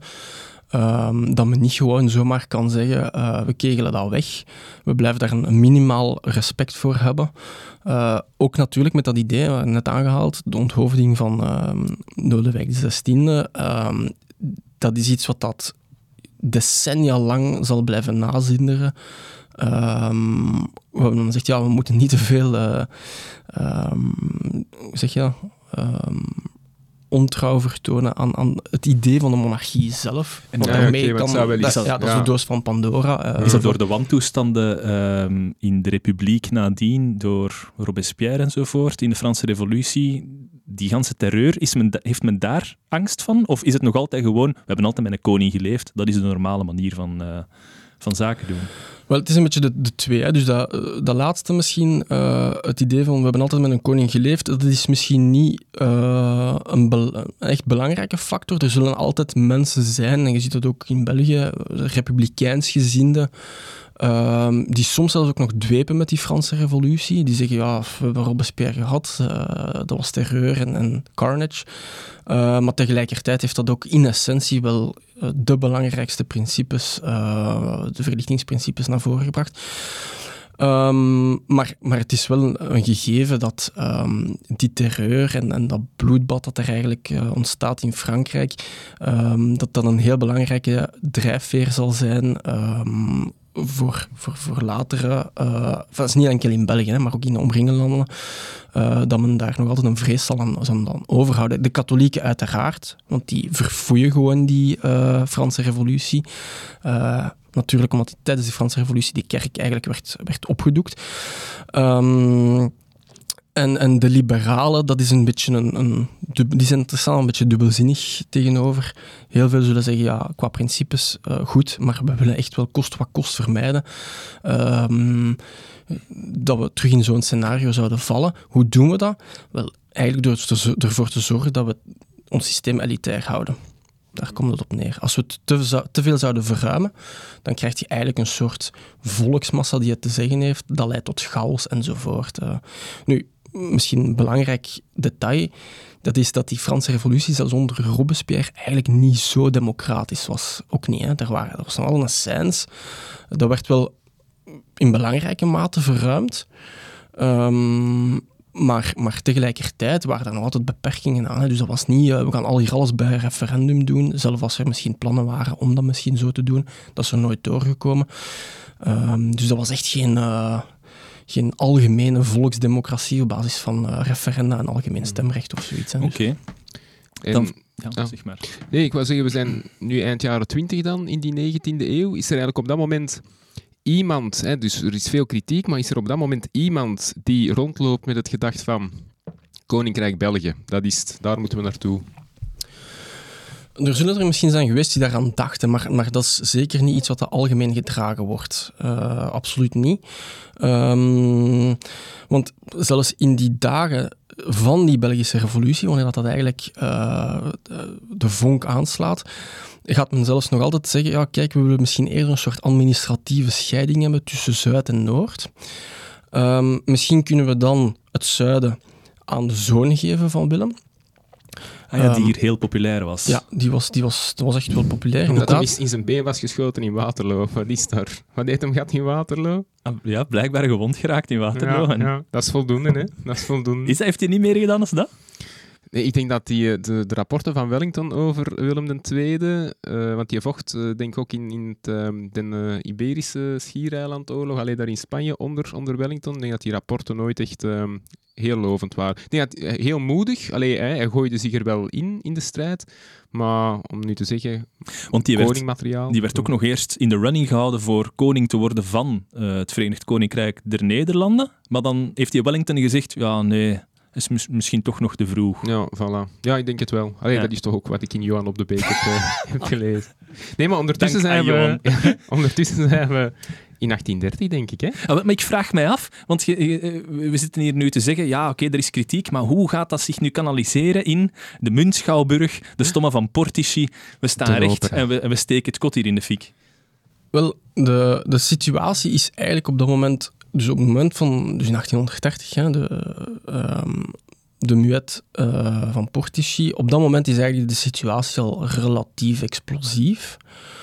Um, je moet ook rekening houden dat er op dat moment uh, ook een, een hongersnood was. Ja, ja. Um, ja, dat heb ik ook gelezen, dat die een oogst, um, ja. in die, allee, dat die winter ja. enorm hard was geweest. Ja. Je moet ook rekening houden, dus dat is dan, dat is dan een soort uh, maatschappelijk probleem dat er nog eens bovenop komt. Um, we zijn dan op dat moment tegen dan ook al geëvolueerd naar, naar eh, een situatie waarbij dat Willem eigenlijk ook al zegt van ja, maar eigenlijk die grondwet, eh, ik heb jullie die gegeven, maar dat maakt nog altijd dat de N-bos, zeg maar, dat ben ik. Ik hè. kan die ook terug Ik kan die ook terugnemen, ja, absoluut.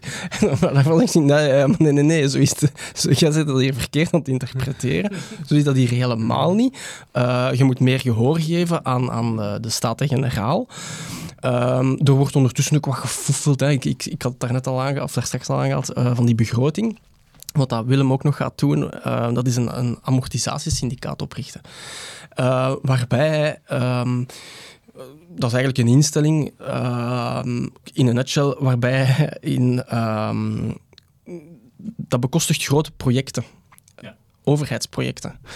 En hij gaat eigenlijk zoveel mogelijk van die projecten daar gaan schuiven, zodat eh, alles wat daarmee bekostigd wordt, niet onder de controle van het parlement valt, maar onder controle van het amortisatiesyndicaat. En ook daar weer zijn de belangrijkste postjes voor... voor eh, Bedoelt je de koninklijke schenking? Hashtag een paar afleveringen terug. Zoiets?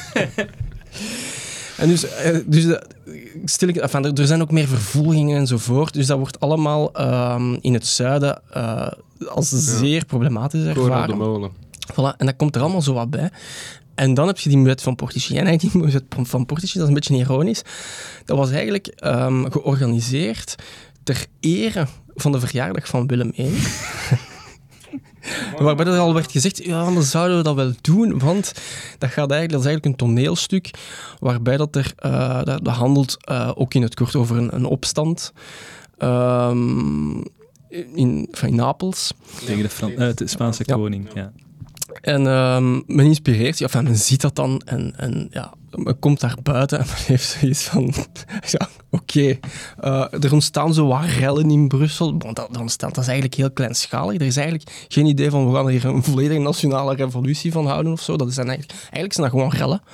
Eh, Wacht, ja, wacht. We, zitten- we, zitten, we zitten nog altijd in die Munschouwburg. Die, die een aria begint daar, L'amour sacré pour la patrie. En dan ineens schiet iedereen recht en die zeggen, we steken het hier in de fik. En die komen buiten en die nemen al die feestgangers mee of zoiets? Of, eh, Ja, je, dat? ja je, moet dat, je, moet dat, je moet dat beschouwen als iets wat dat redelijk aleatoire is verlopen. Zo, hè. Ze, ze komen daar inderdaad buiten en dan... Dat is toch in Maar gang het- gezet? Dat is toch in ja, scène gezet? Want ik heb gelezen dat eigenlijk die een opera al dertien keer of zo was uitgevoerd in, in ja, de maanden voordien. En of plots zat het dat vol jaar met studenten. Allemaal studenten uit, uit, uit Luik of zoiets. Wel, maar, maar er zijn inderdaad wel groeperingen die, ehm, die dingen op touw zetten. Ehm, voornamelijk dan ook republikeins gezinden, die, die eigenlijk stilletjes aan wel misschien hun kans rieken om, ehm, om misschien dat koningschap gewoon weg te krijgen en iets, en iets anders op poten te zetten. Ehm, maar in welke mate dat een volledig opgezet ding was, ehm, goh, daar, heb ik, daar heb ik eigenlijk geen Maar zicht daar, op. ik denk dat niemand daar een zicht op heeft. Hè? De- Nee. eh, Nee. Tot op De de, dag Johan van ook niet. De Nee, Johan niet. niet. Dus Nee. als Johan het zegt, is Ja. dat voor mij ook Ja, zo. voilà. Dat zal, dat zal ergens in een boek staan van Suite, denk ik. Ja. Els, professor Ja. Els Witte, die... eh, Rector, emeritus Rector. rector. emeritus. van de VUB wel. toch. Ja. Ehm, Dus die daar- de daar- expertise is op dat vlak. Ja. Na u. Ik denk dat jij de jongste bent. De jongste Nou, teller. voor, voor mij, denk ik. Voor mij. Ja, maar jij zit ook nog maar, eh, wat is het, Ah, wel. 35? Jij bent de jongste teller in de 1830-kenners. Ehm, ja, ja, mijn collega Brecht misschien nog jonger. Maar. Ja, Oké. Ja. Ik heb gehoord dat die weekends in die 1830-club dat dat eh, zwaar is. Kom aan, Els. Drinken. Stel je voor dat hij luistert. Sorry, professor. Eh, maar dus, die, die, die gasten die trekken daarmee al dat feestgedruis naar, naar, naar, naar de grote markt. Eh, wat gebeurt er dan? Breken die het kot Wel, ook af? Ehm, je moet ook begrijpen dat er eh, op, het moment, op dat moment ook regeringsgezinde kranten waren. Hè. Dus er zijn, in het zuiden zijn er heel wat ehm, oppositiekranten die publiceren, pu- publicisten enzovoort. Ehm, maar er zijn tegelijkertijd ook regeringsgezinde kranten die schrijven voor de regering, tegen die oppositie. De standaard, de morgen. Ja. Halen. Eh, en het geld. Ehm, en dus de, ehm, er is daar één, één publicist, Libri Bagnano, ehm, die in Brussel een, een huis, of een drukkerij heeft. En ehm, eigenlijk gaat de volkswoede zich daarop beginnen richten. Ze steken heel dat kot in brand. Ehm, als ik me niet vergis, heeft hij zich via het dak ergens kunnen... Via van die is langs boven ergens weggeraakt en dan eh, via de daken ergens eh, kunnen de stad ontvluchten.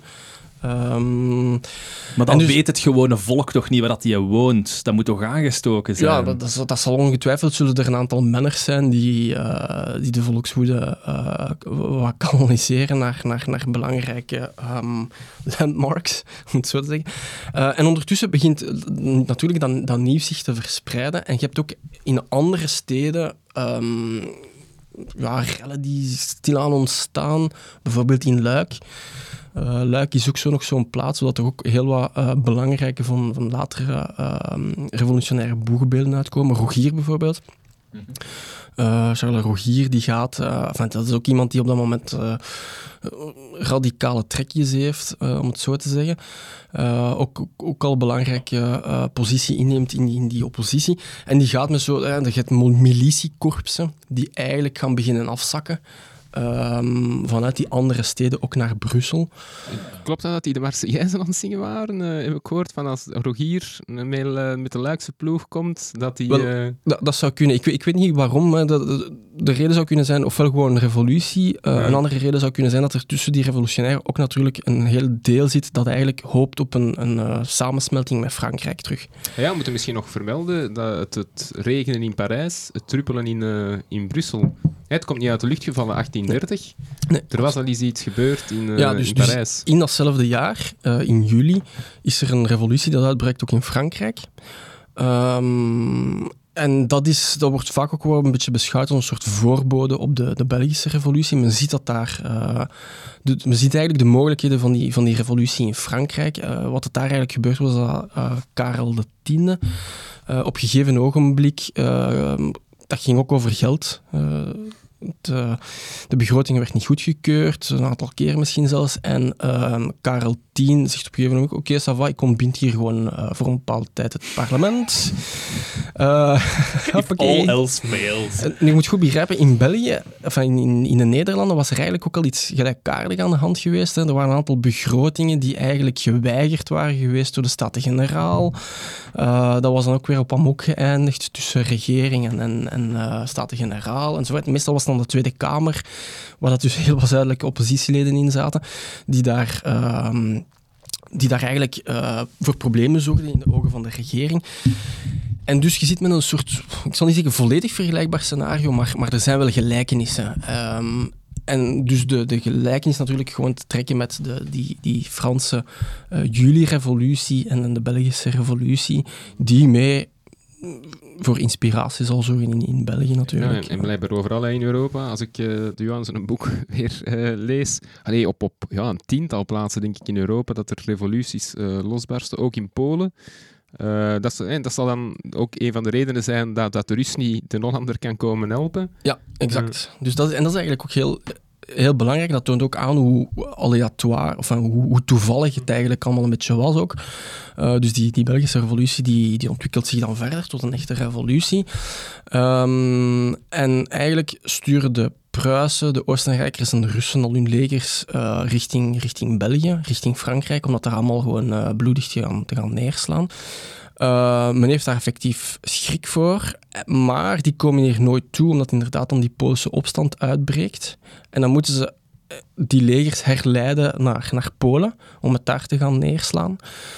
Um, en tegen eigenlijk dat, dat daar is neergestaan, hebben de, de grootmachten al, al uh, algemeen op het uh, congres van Wenen en een ander beslist.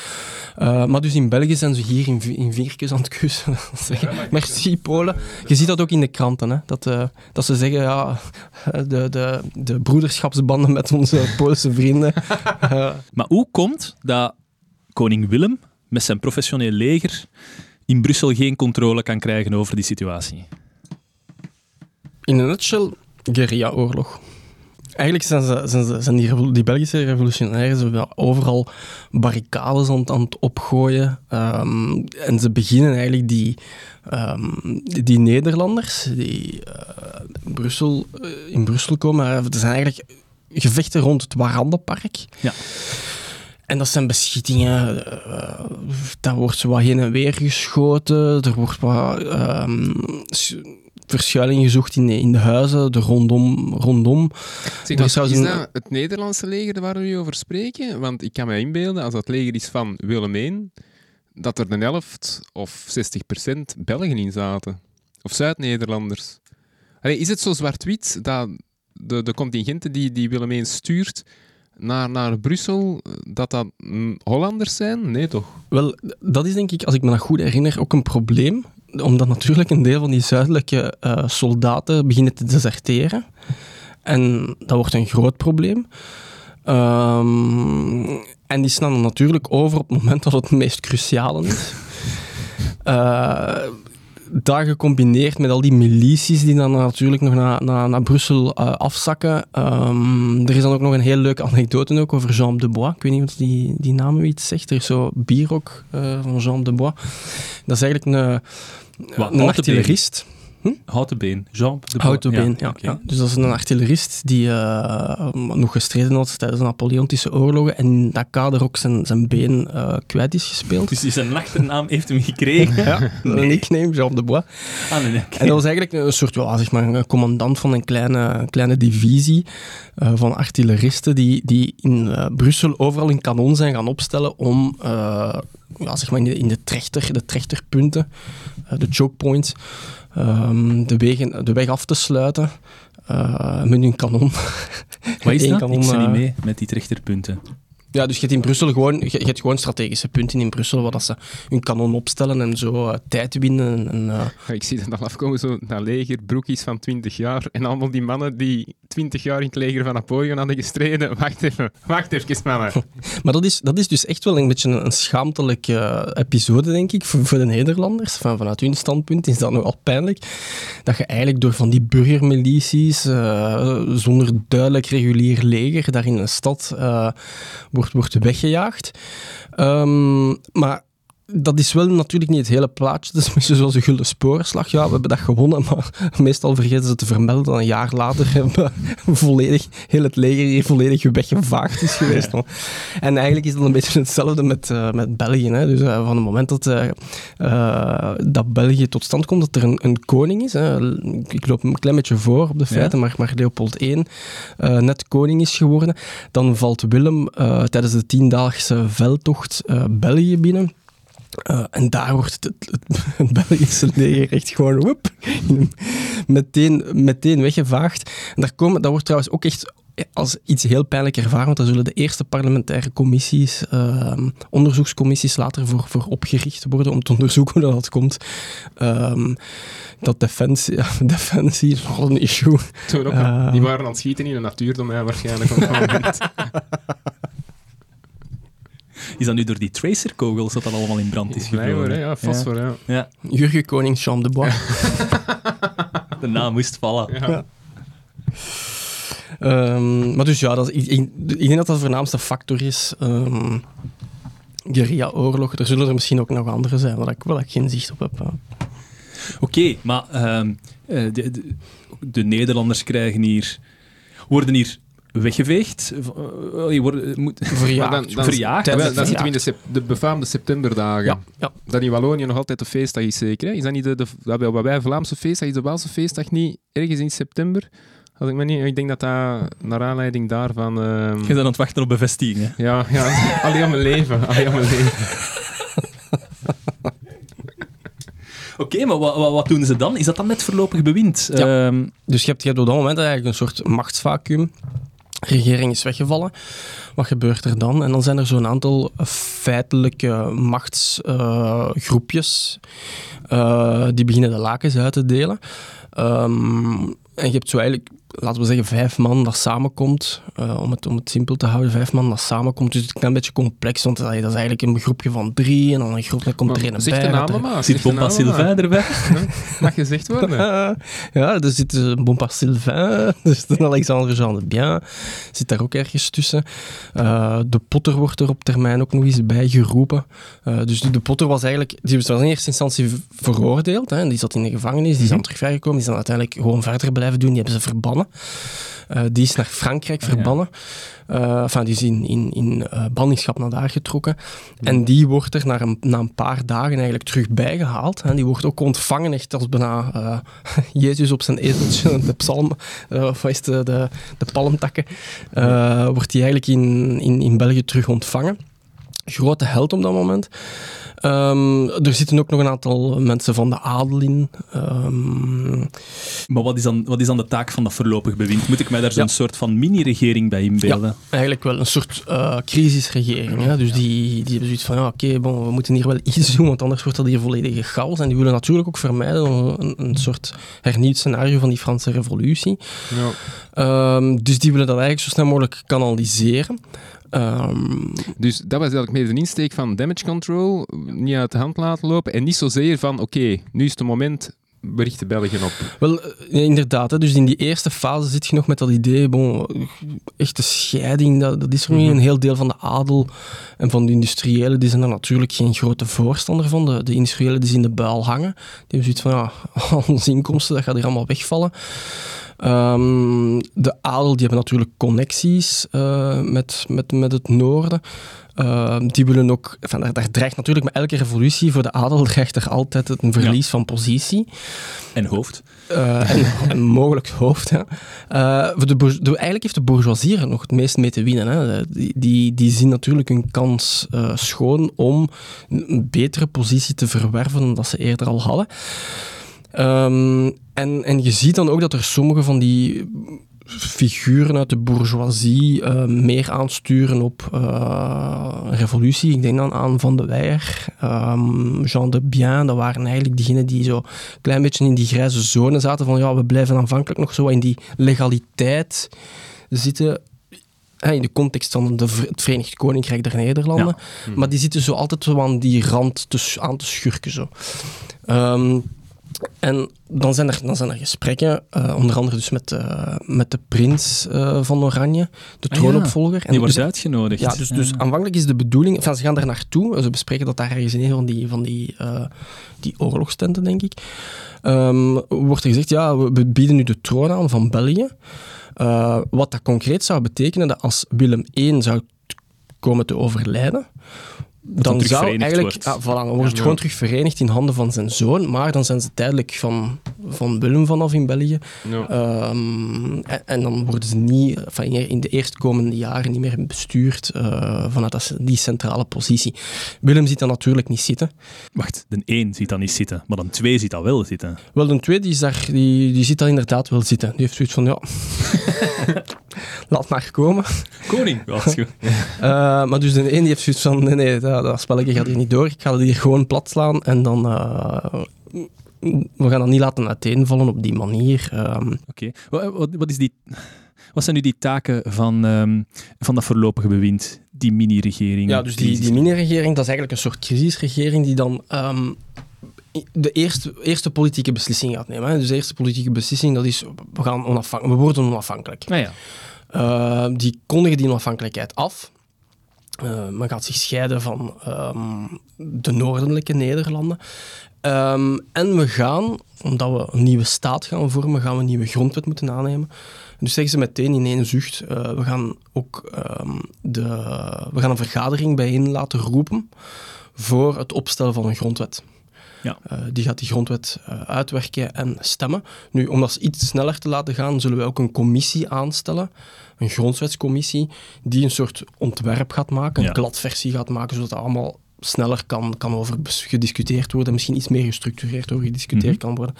Ehm, en die gaan we nu eigenlijk al aan de slag laten gaan. Ehm, die commissie die wordt niet democratisch verkozen of zo. Dat is eigenlijk gewoon een soort eh, evenwichtsoefening tussen eh middenst, enfin, de, de burgerij, de bourgeoisie, eh, de adel, de- en, en we gaan die een beetje samenroepen, een aantal vertegenwoordigers van samenroepen en ehm, die gaan iets uitwerken. En dat Oké. wordt dan later overgemaakt aan ehm, het congres en het voorlopig bewind. En terwijl dat, dat aan de gang is, hè, dat heel dat uitdenken van oké, die NMV België, hoe gaan we dat op poten zetten, is er van alles aan het gebeuren nog in, in eh, België, in Vlaanderen. Het is niet dat het een uitgemaakte zaak is op dat moment. Het voorlopig bewind hè, zegt van oké, we gaan voor België. Het is niet dat dat een uitgemaakte zaak is. in, Nee. eh, in de rest van Vlaanderen, Nee, in de rest dus- van België. sorry. Nee, dus inderdaad, hè, je hebt, je hebt- er zijn een aantal steden ehm, die bijvoorbeeld ehm, deels in handen zijn van revolutionairen, eh, maar waar dat bijvoorbeeld nog een Nederlandse garnizoen in zit. Ehm, er zijn heel wat van die steden in, in, in België. Dus sommige steden zijn volledig in handen van ehm, de revolutionairen, maar, maar een, een deel niet. Ehm, en dus een van die steden is bijvoorbeeld Antwerpen. Ah, ik wacht er al. Eindelijk. De koekenstad. We zijn er. Die gaat dus gebombardeerd worden op een gegeven ogenblik. Oei. Ja, dus eh, Nee, zeg maar Antwerpen. Dat was, dat was orangistisch? Of... Ja, dat was orangistisch. Dus dat zijn eigenlijk... De, je, je moet zien, de, de- Antwerpen heeft een haven Dat, dat aan de Schelde ligt. Wist u dit al? Wist je dat je? Ja, maar Antwerpen is zo groot. Allee, Dat is zo. Dat een is zo. universele metropool. Ehm, en dus de, de, de Schelde, de monding van de Schelde, die ligt eigenlijk in Nederland. Hè, vandaar, Mhm. vanuit Zeeland ziet je nog altijd... eh enfin, kun je eigenlijk heel die vlakte door, ziet je Doel. Eh, het is daar in Zeeland dat die, dat die monding ligt. Ehm, Zeeland, dat dus eigenlijk tijdens de onderhandelingen later ook ehm, mogelijk nog deel zou hebben, zou, zou, zou deel uitmaken van België, maar dan uiteindelijk is dat toch overgegaan eh, op Nederland. En dus in, in Antwerpen is natuurlijk schrik met heel die revolutie dat die monding zou afgesloten worden voor, voor Antwerpen, want dat zou betekenen hun economie in de frut ligt. Ehm, Ja, en zo was het honderden jaar geweest, hè, zeker. Ja. In de, ah, ja, toen- En, en dus er zijn heel wat van die handelaars en industriëlen in Antwerpen die, het, eh, die eigenlijk nog altijd wel... Die, die ook echt gefloreerd hebben onder dat Verenigd Koninkrijk. En die die dan niet meteen zien zitten om eh, hier iets, eh, een, nieuw experiment te gaan uitproberen.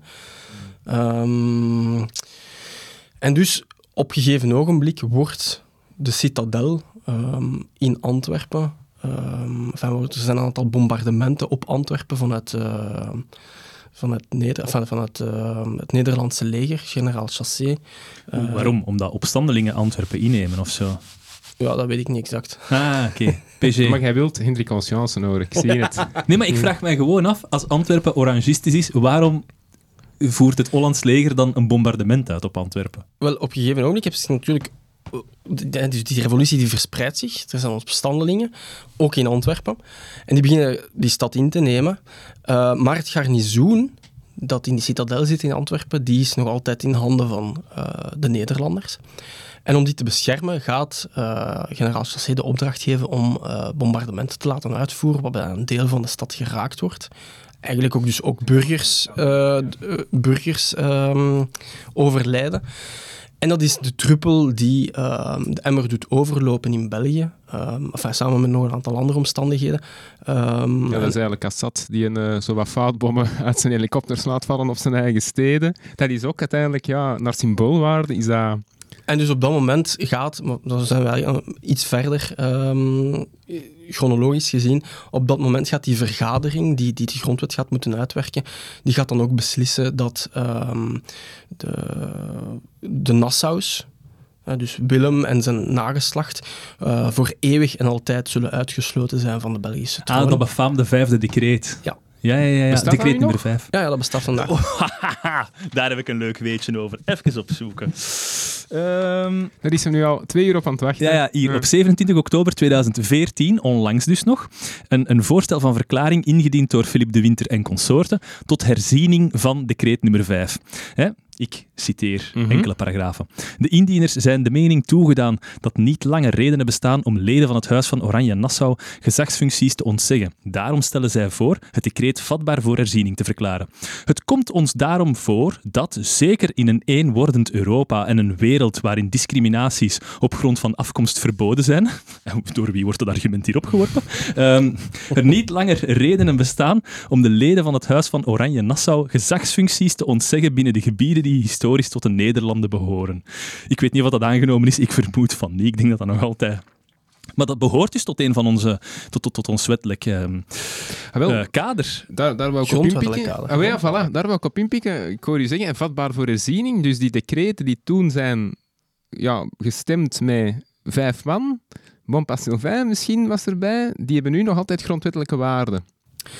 Wel, daar bestaat wel discussie over. Hè. Dus je hebt, het decreet van onafhankelijkheid, dat is één decreet. Eh, je hebt het decreet van exclusie eh, van eh, de Nassau's. Dat zijn eigenlijk twee decreten waarvoor men zegt, ja, zijn ze eigenlijk grondwettelijk ehm, amendeerbaar? Enfin, nee, anders gesteld, het zijn grondwettelijke decreten, maar ze staan niet in de grondwet. Ja. En eigenlijk is er een procedure voorzien in de grondwet waarmee dat je artikelen van de grondwet kunt herzien.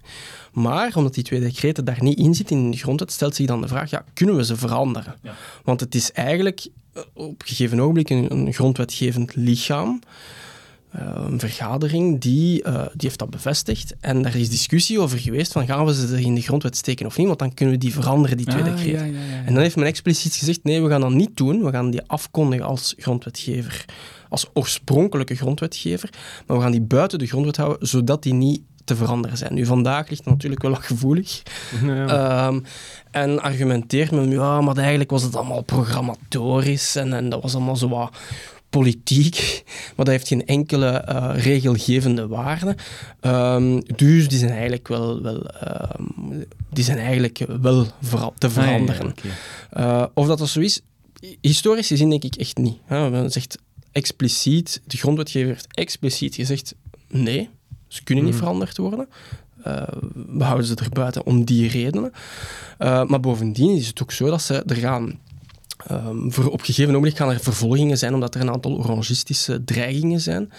Eh, er is zo een eh, luitenant-kolonel van een burgerwacht, ehm, die op gegeven ogenblik een soort ja, opstand gaat proberen op het touw te zetten. Een orangistische opstand, dus ehm Nederlandsgezinde opstand. En hij gaat op een gegeven ogenblik zeggen: ehm, Kijk, de, de, de zoon van eh, Willem I, eh, dat wordt de nieuwe koning hier. We konden hem hier als, als, als koning. Nu, ehm, dat faalt. Die koe, want dat is eigenlijk een koe, Ja. eh, dat faalt. En die ehm, luitenant-kolonel die gaat voor het Hof van Assise gebracht worden. Eh, ze gaan die vervolgen, net na de revolutie, of, of eigenlijk nog, nog echt in die periode, in die revolutie, noem het de, de revolutionaire, licht postrevolutionaire periode. Ze gaan die vervolgen. En eh, het Openbaar Ministerie gaat die vervolgen op basis van onder andere een schending van dat decreet Ah, van ja. eeuwige Ja, uitsluiting van de Oranje-Nassau's. Want ja, de zoon van is dus ook een Oranje-Nassau.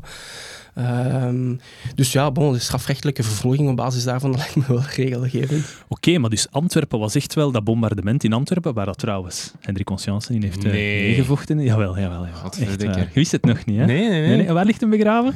Op het de- Volgens Nederland in Deurne. Oh nee, laat ons dat wat heel niet opentrekken, hè? Die zien Ah. ook in Wilrijk, maar bon, ja. Nee, ik, eh, Eh, ik loop daar soms voorbij. Maar, maar eh, allee, als dat...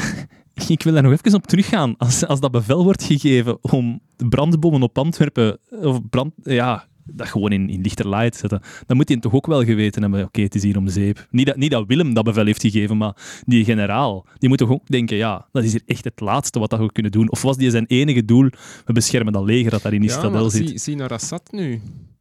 Die heeft dat toch ook gedaan? Allee, ik denk dat dat op dat moment... ehm, en nu spreek ik misschien voor mijn beurt, hè, want eh Christophe zal er meer over weten. Maar ik denk dat dat op dat moment heel moeilijk is in te schatten. Wat... ehm allee, misschien als je harder optreedt, als hij van begin harder had opgetreden, dan had hij misschien alles in de kiem kunnen smoren. Als je de Bourgondiërs leest, dan is er hier en daar wel eens een keer een stad platgelegd door de eigen vorst. Oké, ja, ja, ja, ja. Maar dat was, dat was voor de revolutionairen wel het teken van...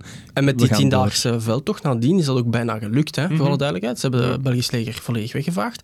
De enige reden waarom dat die Belgische natie het overleefd heeft, was omdat Leopold I connecties had. Met, niet, met, niet enkel met Engeland, maar ook met Frankrijk. eh, waardoor de, de Fransen eigenlijk heeft kunnen aanmoedigen om hun legers langs het zuiden België te doen binnentrekken. En waar dat de Nederlanders gezegd hebben van oké, dan trekken wij terug even naar achter. Dan moet het ook meer. ja. Weer al die Willem... Oh, sorry, sorry, ik had dat zo niet bedoeld.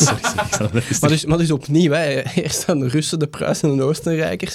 Nu is het zo, dus het, het, het is echt, er, zitten, er zitten momenten die echt volledig afhangen van toeval. Het is niet dat er een soort voorbestemdheid was om eh, Zeg, dat, Bel- dat België te doen. eh. we zijn daar aan het onderhandelen over die grondwet. Ik denk, een van de meest fundamentele keuzes die je moet maken is, pakken we een koning of pakken we een president? Ehm, is, dat, is dat een uitgemaakte zaak? Ehm, de monarchie wel, eigenlijk wel. Ja? Ja. Ehm, Wat, zijn de, wat, wat zeggen de gesprekken daarover? Wel, er zijn eigenlijk, als je, als je gaat kijken naar die gesprekken over de, het, het politiek systeem dat ze op poten willen zetten, dus dat is eigenlijk een vergadering van 200 mannen. Uh, daar zit een beetje van alles tussen. Daar zitten katholieken tussen, daar zitten liberalen tussen. Um, die katholieken, daar zitten wat hardcore uh, reactionairen tussen, maar de meeste zitten zo ergens Hoe was die eigenlijk meer gematigd. Liberaal zijn zo wat naar elkaar toegegroeid ook, omwille van hun discours, uw positiediscours tegen Willem. En dan zit je daar ook nog met republikeinen. En die republikeinen, dat zijn eigenlijk hardcore lefties. Um, die neigen naar algemeen stemrecht, maar dat willen ze niet. Dat vinden ze misschien iets te. Uh, maar die willen wel een zo laag mogelijk census hebben. Die spreken soms ook over, uh, als, je zou, als je zou willen gaan stemmen, dan moet je kunnen lezen en schrijven. Uh, maar voor de rest niks. Dus die, die, zijn, die zijn een stuk meer democratisch gezind en die willen in, eerste instantie geen koning meer zien. Die willen eigenlijk een republiek hebben met een president die verkozen is. Dat is voor hen eigenlijk het speerpunt van hun campagne. Um, maar die republikeinen die zitten, eigenlijk, die zitten eigenlijk in minderheid. Um, maar nog even terugkomen op die grondwet, uh, grondwetgevende vergadering. Die was verkozen, maar ook niet heel democratisch dan. Dat was ook gewoon hetzelfde weer. Ja, dus dat was die, die grondwetscommissie, die commissie ja. die de grondwet ging uitwerken, die heeft ook die kiesbesluiten uitgevaardigd en die waren relatief conservatief. Uh, je moet rekening houden dat voor uh, het congres uh, en, en, eigenlijk is dat, je kunt dat doortrekken naar de verkiezingen later ook, in eerste instantie althans. Uh, daar ging het om 1, uh, 1 à 1,5 procent van de bevolking dat deel uitmaakte van, uh, of dat, dat kon gaan stemmen. Um, waren dokters erbij? Wel, er waren een aantal beroepen die voor het... Waarom is het ergens op aan Nou, was ik erbij geweest, hè, ja. Ah, zo. Ja, ja dus ja, wel, de, voor... de veredelde student, wilde zeggen. Er waren een aantal beroepen die, werden, die kregen ook, dus die moesten dan bijvoorbeeld geen cents betalen, maar je kon met een, mits een bepaald beroep kon je wel toegestaan worden tot dat congres. Ik denk aan de magistraten, inderdaad, uh, dok dokters in de rechtsgeleerdheid of iets dergelijks. Um, leraars sloten ze uit. Uh, want leraars, daar, daar zaten blijkbaar heel veel orangisten onder. dat hadden ze liever niet. Uh, ja. Dus je ziet al dat er toch al liedjes, strategische ja, dingen achter zitten. Ook. Ik, ik ben nog altijd niet overtuigd waarom het dat zo'n uitgemaakte zaak was dat we geen republiek gaan beginnen. Was men echt, had men echt dat voorbeeld van Frankrijk en alle wantoestanden ja. die dat er daar gebeurt? Ja, dat is, dat is een van de belangrijkste argumenten naast dat dat idee ook leeft op dat Weens congres. Uh, dus de, ah, nog een republiek, we weten al wat dat gegeven heeft. Um, we willen geen herhaling. Uh, en dus dat Weens congres heeft zoiets van, we willen gewoon een monarchie hebben dat voor stabiliteit zorgt, want oorlog willen wij niet meer um, op het continent. En dus er zijn, ze denken ook, ja, als we hier een republiek gaan doorjagen, dan worden wij gewoon meteen terug. Dan lost België op, terug dus op. Ze verkiezen uh, stabiliteit boven democratie. Ja. En Frankrijk zit op dat moment trouwens ook weer al met een koning. Ja, ja. En, dus, en, en, en de republikeinen in België zijn dan ook echt wel onder de, in de minderheid. In, ook in dat congres. Ook in dat voorlopig bewind. Uh, enfin, en ook in, de, in die commissie ook. En dus die voelen eigenlijk al heel snel de bui hangen. Um, de Potter is trouwens een van die republikeinen. En dat ja. is eigenlijk diegene die zal blijven ijveren voor de republiek. En dat is ook een reden waarom dat die later ook oh, eigenlijk ja. wordt wegge... Um, hoe zal ik het zeggen? Weggemanoeuvreerd. Um, en dat die vandaag ook niet meer zo bekend is. Omdat hij zichzelf op een gegeven ogenblik onpopulair heeft gemaakt um, bij, bij al die vertegenwoordigers, door, door daar te blijven op te hameren, um, qua bloed heeft gezet. Je hebt ook een leuke anekdote over uh, De Potter en uh, Jean de Bien op het balkon van het Paleis der Natieën. Ah ja, maar dat is iets wat jullie ongetwijfeld ook op die podcast van ja, ja, ja, ja, ja, daarmee dat ik erachter wies.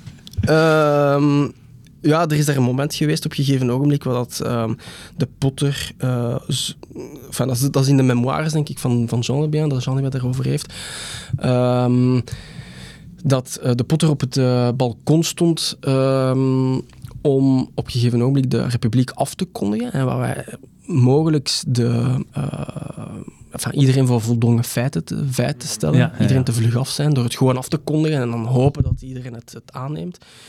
Ehm, en Jean de Bien zou daar lucht van hebben gekregen en zou hem ingehaald hebben en zou hem tegengehouden en gezegd hebben... Jean de Bien is eigenlijk zo'n beetje het vechtjastype. Ehm, Een bijer, blijkbaar echt een bijer. en, eh, dus die heeft hem op een gegeven moment gezegd van ja, als ik weer, als ik weer hier ook gewoon maar dat, dat hoor doen, dan vliegt jij met je klikken en je klakken hier eh, naar beneden. Van, de eh, Dikker ja, heb ik, Dan eh, smijt ik hier. Ja, ja, ja.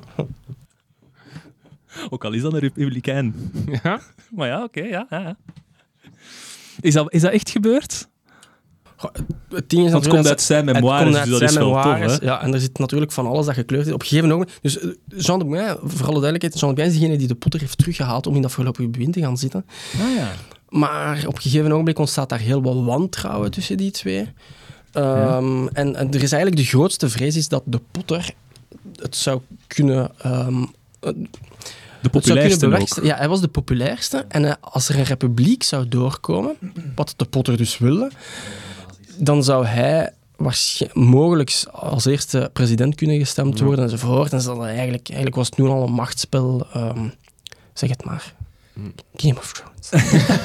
Maar dus ze hebben die een beetje gemarginaliseerd. Eh, ik heb ook gehoord van, op de week alweer, dat eh, als, als de Potter dan toespraken deed in zo van die, eh, in zo van die centra, openbare of publieke centra, cultureel, cultuurcentra. cultuurcentra, Op zondagmiddag was dat zeker, de matinee. En dan achteraf, achteraf Limburgse als die uit de landen in de cc's ging praten, Ja. dat er dan zo'n knokploeg kwam om alles bij elkaar te, te kloppen, dat hij eigenlijk geen podium meer had en dat hij daardoor zo wat werd gemarginaliseerd. Wel, ja, dat werd wel, dat werd wel wat gedaan. Hè. Dus Oh, het, was, ja. het, was, het was maar voor, voor zover als liberalisme uit ons huis- eigen huis kwam. Ehm, want ze hebben, ze hebben bijvoorbeeld hetzelfde gedaan met, met orangisten in het Nationaal Congres. Het was allemaal vrij meningsuiting enzovoort, maar als je daar als orangist zei, eh, ik ben voor Willem I of voor Van Manen, dan was dat meteen, je werd daar bijna publiekelijk gelyncht. Er is, er is echt een voorbeeld van, McLachlan of zoiets, eh, die, eh, die effectief gezegd heeft, ja, maar allee, dat is toch geen vrije meningsuiting, ik, ik ben hier voorstander van. En die is eigenlijk gewoon meteen het zwijgen opgelegd geweest. Ook bijvoorbeeld petities. Hè. Er waren petities ehm, die voor terug een aanhechting waren met eh, de noordelijke Nederlanden. Die werden dan buiten beschouwing gehouden. Juridisch gezien, omdat dat inging tegen, tegen dat decreet. Ja, ja, ja. Uitsluiting van de Nassau. Dus ja, het, het was allemaal altruïstisch, zolang dat het, eh, dat het uit- uitkwam. eh. Maar oké, dan wordt er gekozen voor een koninkrijk en dan heb je een koning nodig. Dat is ook een gans circus geweest. Wel, want wie pakte dan als koning? Er is niemand dat nu een claim heeft op de Belgische troon, dus je moet iemand gaan zoeken. Ja. Ja, dus je moet iemand gaan zoeken. Dat is natuurlijk een evenwicht zoeken. Hè, want wel, er moeten katholieken gunstig zijn, er moeten liberalen gunstig zijn, eh er moeten grootmachten ook nog, er moet daar nog goed vallen. En dan moet ergens in een ogenadelfunctie. Ja. Voilà. En, en eh, ze hadden eerst, ehm, dus ze hebben eigenlijk een kandidaat gestemd in het Nationaal Congres. Onder, eh, er waren ook onder, altijd onderhandelingen. Hè. Er waren onderhandelingen in Londen. eh, Ja, vooral met- die met- parallel. ja, dus er is echt Ja. inderdaad een soort parallele diplomatie gaande eh, van vertegenwoordigers die uitgezonden worden vanuit België om dan met die grootmachten te gaan onderhandelen. Dus dat moet je ook in het achterhoofd houden. Ehm, en op een gegeven ogenblik werd er voorgesteld, we gaan... ehm, Dat is de politie. Jurgen Konings is op, uh, Jurgen Konings op spoor. Hij zit in onze hof, godverdikke. Ehm, dus op een gegeven ogenblik wordt ehm, de, de, schoon van de, ehm, de zoon van de Franse koning naar, naar voren geschoven. Eh, de Duc de Nemours. Ehm, Tweede zoon, hè, zeker? ja, de tweede Ja. zoon, ja, voor alle duidelijkheid. Ehm, goed, goede correctie. That's Maar, me, baby. maar van de Franse koning, Ja, dat van gaan de ja. toch niet doen? Exact. Dus dat was echt heel tricky. Die werd, die werd, die werd eh, als kandidaat naar, gestemd in, in de, de Belgische Volksraad of Nationaal Congres. Ehm, maar de koning zelf, de Franse koning, die heeft zoiets van... mm, Merci boys, maar... ja, bedankt, maar... En vooral van België, dat is nu ook niet zo groot, enzovoort. Om daar die vrede met Engeland op te riskeren. Ja, en dus... eh, en dan was er... Dus na Duc de Nemours eh, is er dan nog, waren er nog drie kandidaten. Ehm, jullie hebben het opgezocht op, op Wikipedia. Ja, ja, dus ja. ja.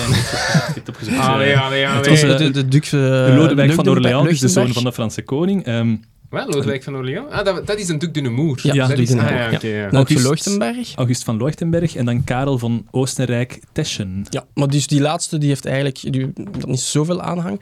Maar die eerste twee, eh, dus Nemours en Leuchtenberg, daar werd... eh, daar was eigenlijk... eh, dat ging zo wat gelijk, gelijk opgaand. En wie is die Leuchtenberg? Ah. Content Ah, was dat de het- vraag? Blij dat je het vraagt. Wie is Leuchtenberg, PG? Blijkbaar de zoon van eh, Eugène de Beauharnais.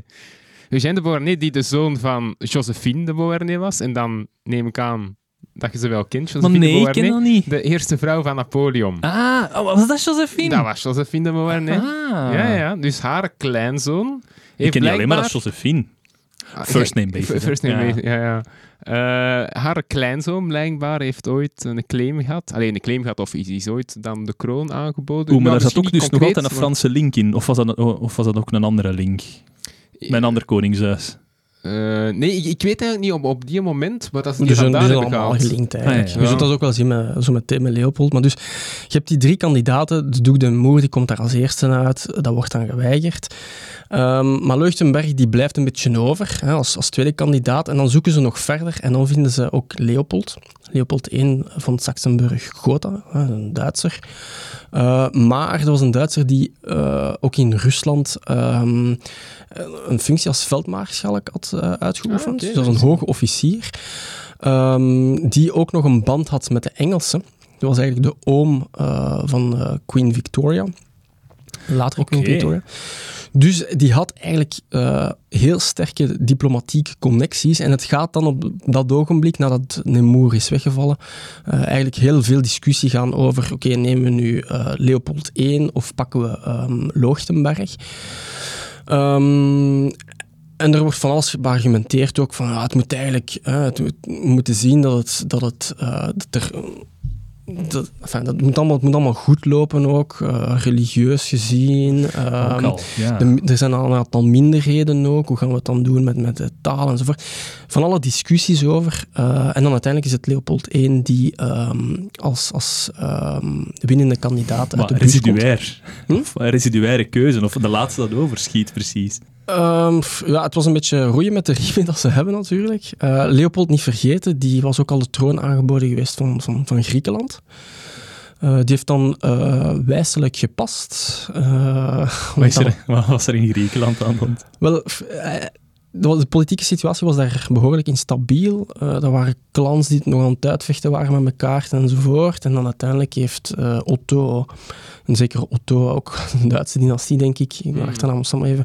En dus het is, het is Leopold I die het wordt en die dus eigenlijk echt een, een- die achteraf gezien een heel geschikte kandidaat gaat blijken. In die zin dat hij met zijn diplomatieke connecties er wel voor kan zorgen dat, dat België overeind blijft. Ah, ja, Eh, ja, ja. ja. eh, dus op dat vlak is dat echt een, een topkandidaat. Was trouwens ook, zou zeer schoon zijn geweest, fysiek. Dus dat was een, een sowieso een, eh, een gewilde... eh, Ryan Gosling van zijn tijd. Ja, wat moeten we hier nu mee doen? Wou die dat eigenlijk zelf? Wou die zelf koning worden van België? Of dat- eigenlijk niet. Nee. Die Enfin, dacht, ik zit Hij hier heeft, dat zo, hij heeft er eigenlijk echt over getwijfeld. Hij heeft dat dan uiteindelijk maar aanvaard. Maar hij is, niet snel naar, Ehm. hij is niet snel naar België gekomen. Ze zijn hem blijkbaar moeten gaan halen. Van Ja, en, dan, en dan heeft hij eigenlijk die grondwet gezien en heeft hem gezegd, ja, van zijn befaamde uitspraak van ja, het ziet er eigenlijk hier allemaal niet goed uit, maar met een beetje goede wil zullen we er wel geraken hier. Want hè, men heeft eigenlijk de, de monarchie nogal hard aangepakt als ik naar die grondwet kijk hier. Ah, ja, ja. Eh, en dus de, de jaren die zullen komen, dan zie je dat, dat eh, Leopold wel achter de schermen er van alles aan zal doen om ook op zijn manier ehm, Ja. meer macht naar zich toe te trekken. Ehm, hij zal ook bepaalde interpretaties geven aan de grondwet die toch wel eh, kantje boordje zijn en, en nogal eh geïnspire- enfin, monarchaal geïnspireerd zijn, om het zo te zeggen. Ehm, maar dat passeert. In eerste instantie omdat men gewoon focust op die onafhankelijkheid van België, dat, dat zeker in die eerste tien jaar nog een heel precaire situatie heeft. Ehm, met het feit dat Willem nog altijd op de hereniging zal azen. Hij zal pas, pas in, in 1839 zijn dat hij dat idee zal laten varen. Ehm, en dan zie je eigenlijk die, die externe druk die wegvalt. En dan zie je terug zo die, die strijd tussen liberalen en katholieken, die Ja, ja, ja. ervoor bestond, voor die unie, dat die terug gaat beginnen Alright. flakkeren. Zeg, eh, Willem, eh, hoe, hoe lang doet hem erover om zijn, eh, zijn aanspraken op België te laten vallen? Is dat met dat verdrag van de 24 artikelen? Is dat dat? 18 en dan die hem niet zal aanvaarden, dan het vraag van 24 artikelen. En wat wordt daarin afgesproken? Ja, dat gaat eigenlijk over. Van de het belangrijkste twistpunten daarin is ehm, de schuldenlast. Ah ja, Wie draagt hier. En eigenlijk is België zo goed als failliet op dat moment. Door, die schulden, door de schuldenlast die ze moeten dragen.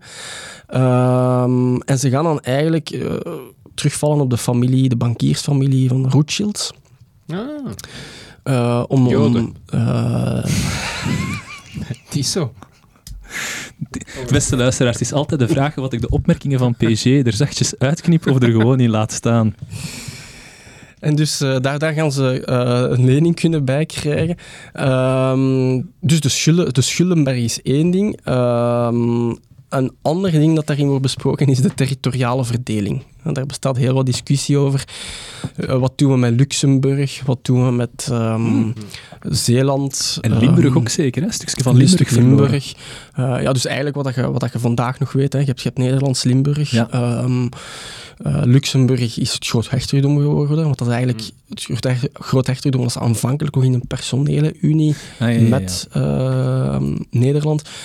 Eh, Zeeland hebben ze dan afgestaan. Ehm, en, en daar is ook heel wat discussie over geweest, omdat daar eh, onder andere door Le Beau van alle beloftes zijn geweest. Van ja, dit zal zijn en dit zal zijn, aanvaard het nu maar. Dan hebben ze het aanvaard en achteraf bleek daar toch niet allemaal veel juist van te zijn. Of, of toch eh, niet alles juist van te zijn. En eh, is, is Le Beau onder andere als minister daar ehm, op aangesproken geweest door zijn politieke Ah, ja. tegenstanders. Onder andere Jean de Bien. Jean de Bien die hem echt gewoon rauw lustte. Ehm, Zeg, je hebt ze nu... Ja, je hebt alle krantenartikels gelezen, alle verslagen gelezen. Van alle revolutionairen, wie was volgens u... Wie was uw favoriet? En dan moet je ook zeggen wat dat jij onder favoriet beschouwt, wat dat jij daarvoor belangrijk vindt, voordat voor u een favoriet is. Pas op, hè. Ja, Maar Ik heb er eigenlijk eh, misschien twee, totaal ander types wel. Eh, Noton, Jean-Baptiste Noton, Ja, dat vind ik... eh, dat, is een, dat is eigenlijk de jongste vertegenwoordiger in het Nationaal Congres. Die was 25, denk ik. Jean-Baptiste, die naam die ken ik van ergens. Nee. Zo, zo, serieus? Heb jij je zoon vernoemd naar Noton? Ja. Ja? Echt Serieus? serieus? Nee. Ja. Van mijn grootvader.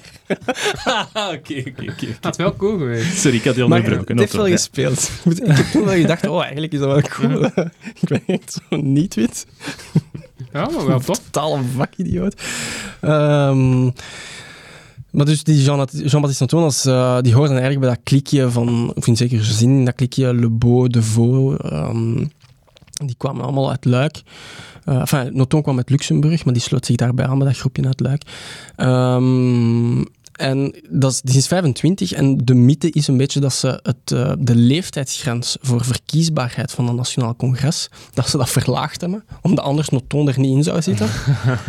Ehm, maar dat was wel een, zo intellectueel gezien, eh, een van de sterkere, misschien samen met Van Menen. Ehm, Dat was dan eerder het filosofische type. Noton was eerder misschien het, het juridische type. Zo.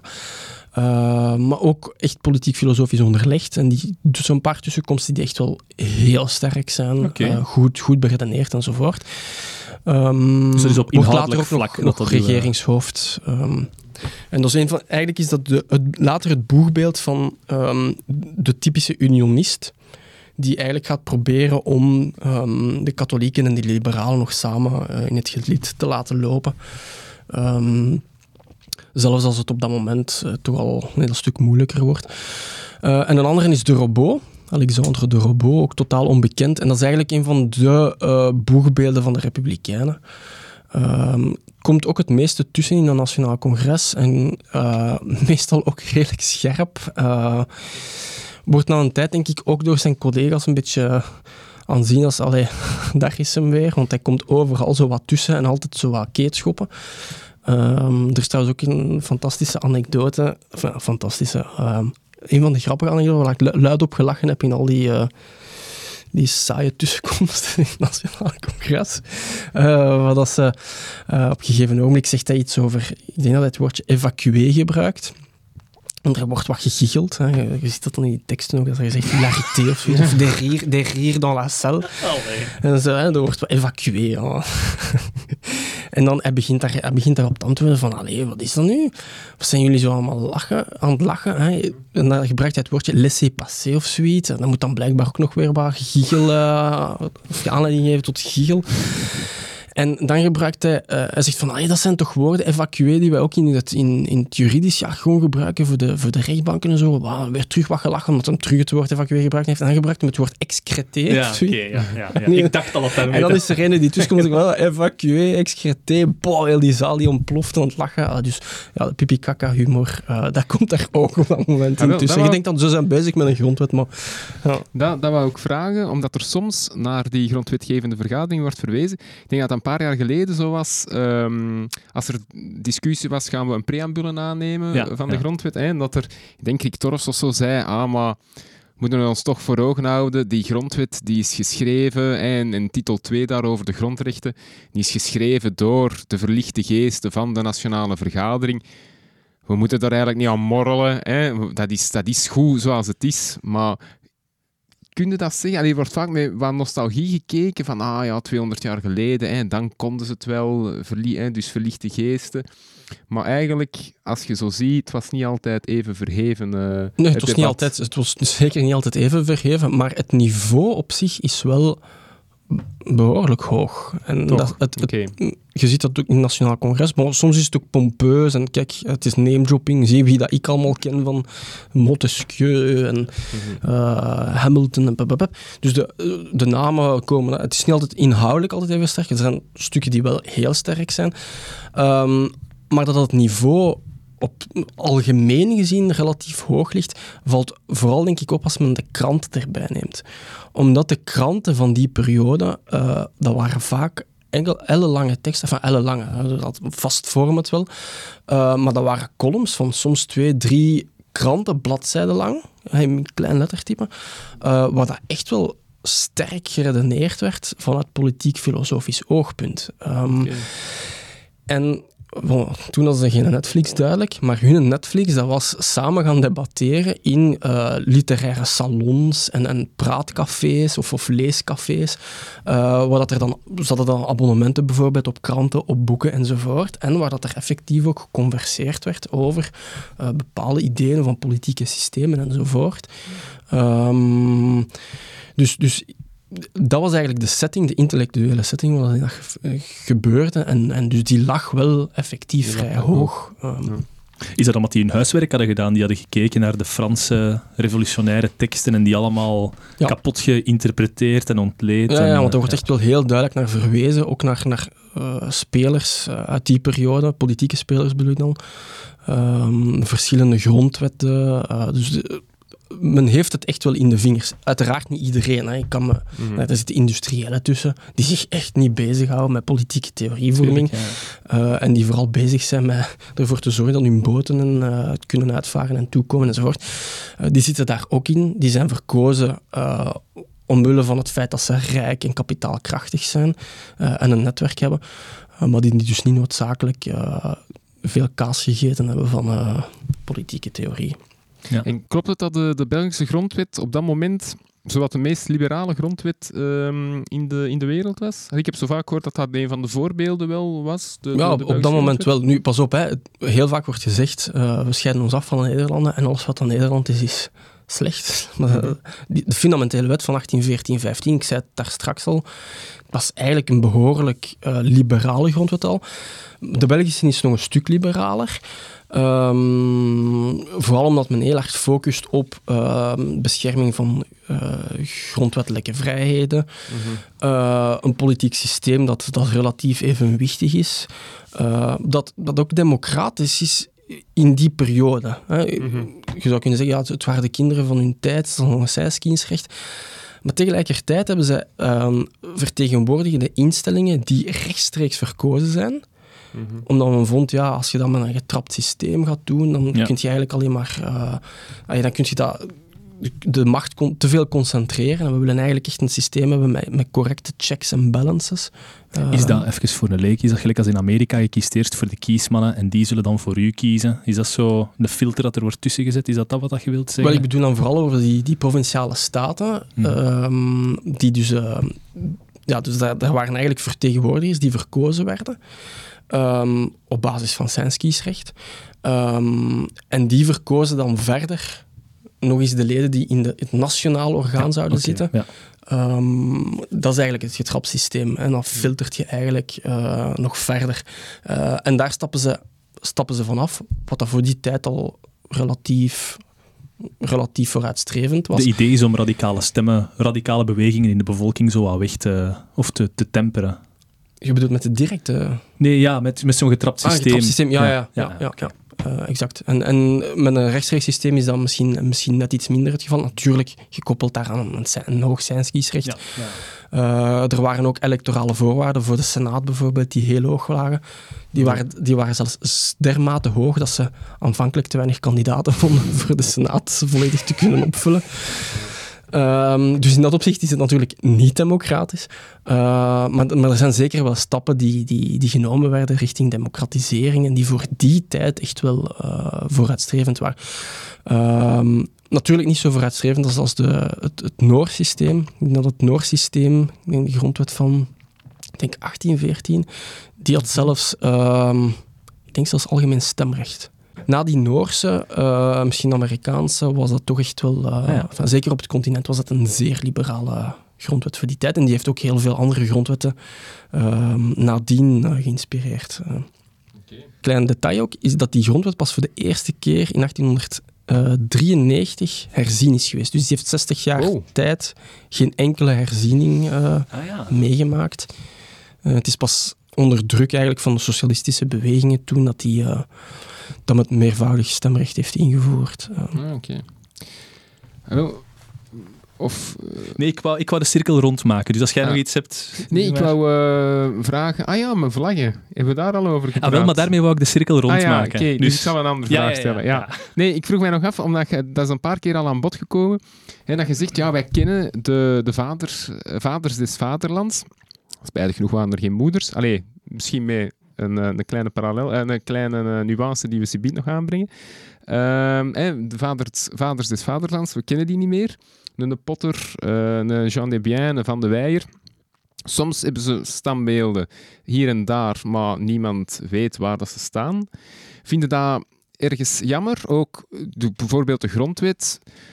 Ja, vraagt, vraagt aan iemand eh, een artikel uit de grondwet. Ik neem aan dat de man, in de, de man of de vrouw in de straat begot niet zou weten ehm, hoe of wat. Hè, terwijl dat bijvoorbeeld in Amerika men de grondwet wat ademt.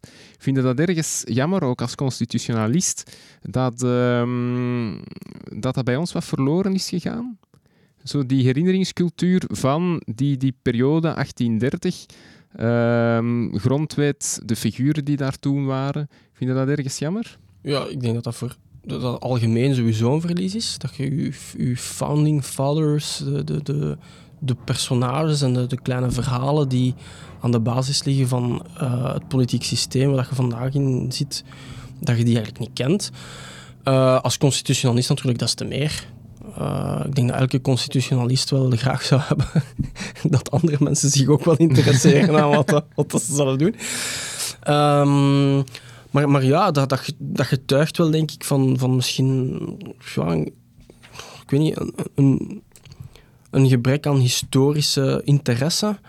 Ehm, natuurlijk, je moet dat ook niet over, niet over, enfin, niet, niet overblazen ehm, of overwaarderen. Als je bijvoorbeeld kijkt naar, eh, je haalde het aan, het Amerikaanse eh, constitutioneel patriotisme, dat is natuurlijk een klein beetje pseudo-patriotisme. Eh, daar wordt wel gedweept met, met de grondwet, maar meestal met enkele één of twee Ja. amendementen die, die over wapendracht. eh, waarschijnlijk de meest populaire. ja. Echt patriotisme is dat natuurlijk niet. De, de mensen die Hamilton zullen kennen, ehm, of, of James Madison, ik denk ook niet dat alle Amerikanen daar, eh, daar al, al te veel over kunnen zeggen. Ehm, maar ja, uiteraard, het, het zou interessanter zijn natuurlijk als de Belgische founding fathers iets meer in de picture zouden Wel, kunnen zitten, want En is dat niet een project waar dat jij nu dan mee, mee bezig bent? Of is dat... ehm hè, want jij Mooi nu- bruggetje. Heel mooi Eh, bruggetje. Hela, hela. Nee, jij bent nu bezig met een, een postdoc. Hè. Je hebt je doctoraat afgerond, zoals we al gezegd hebben. Eh jij bent nu bezig met een postdoc. Eh, je hebt nog niks op papier, maar eh, dat komt wel. Eh, nee, nee, is dat, is dat niet zo wat het project waar dat je nu mee, Nee, mee ja, betrokken bent? mijn postdoc dat gaat over constitutionele identiteit, dat is iets anders. Maar waar dat ik wel mee bezig ben, dat is via mijn promotoren, Stefan Sotio en ehm Ralf Genes.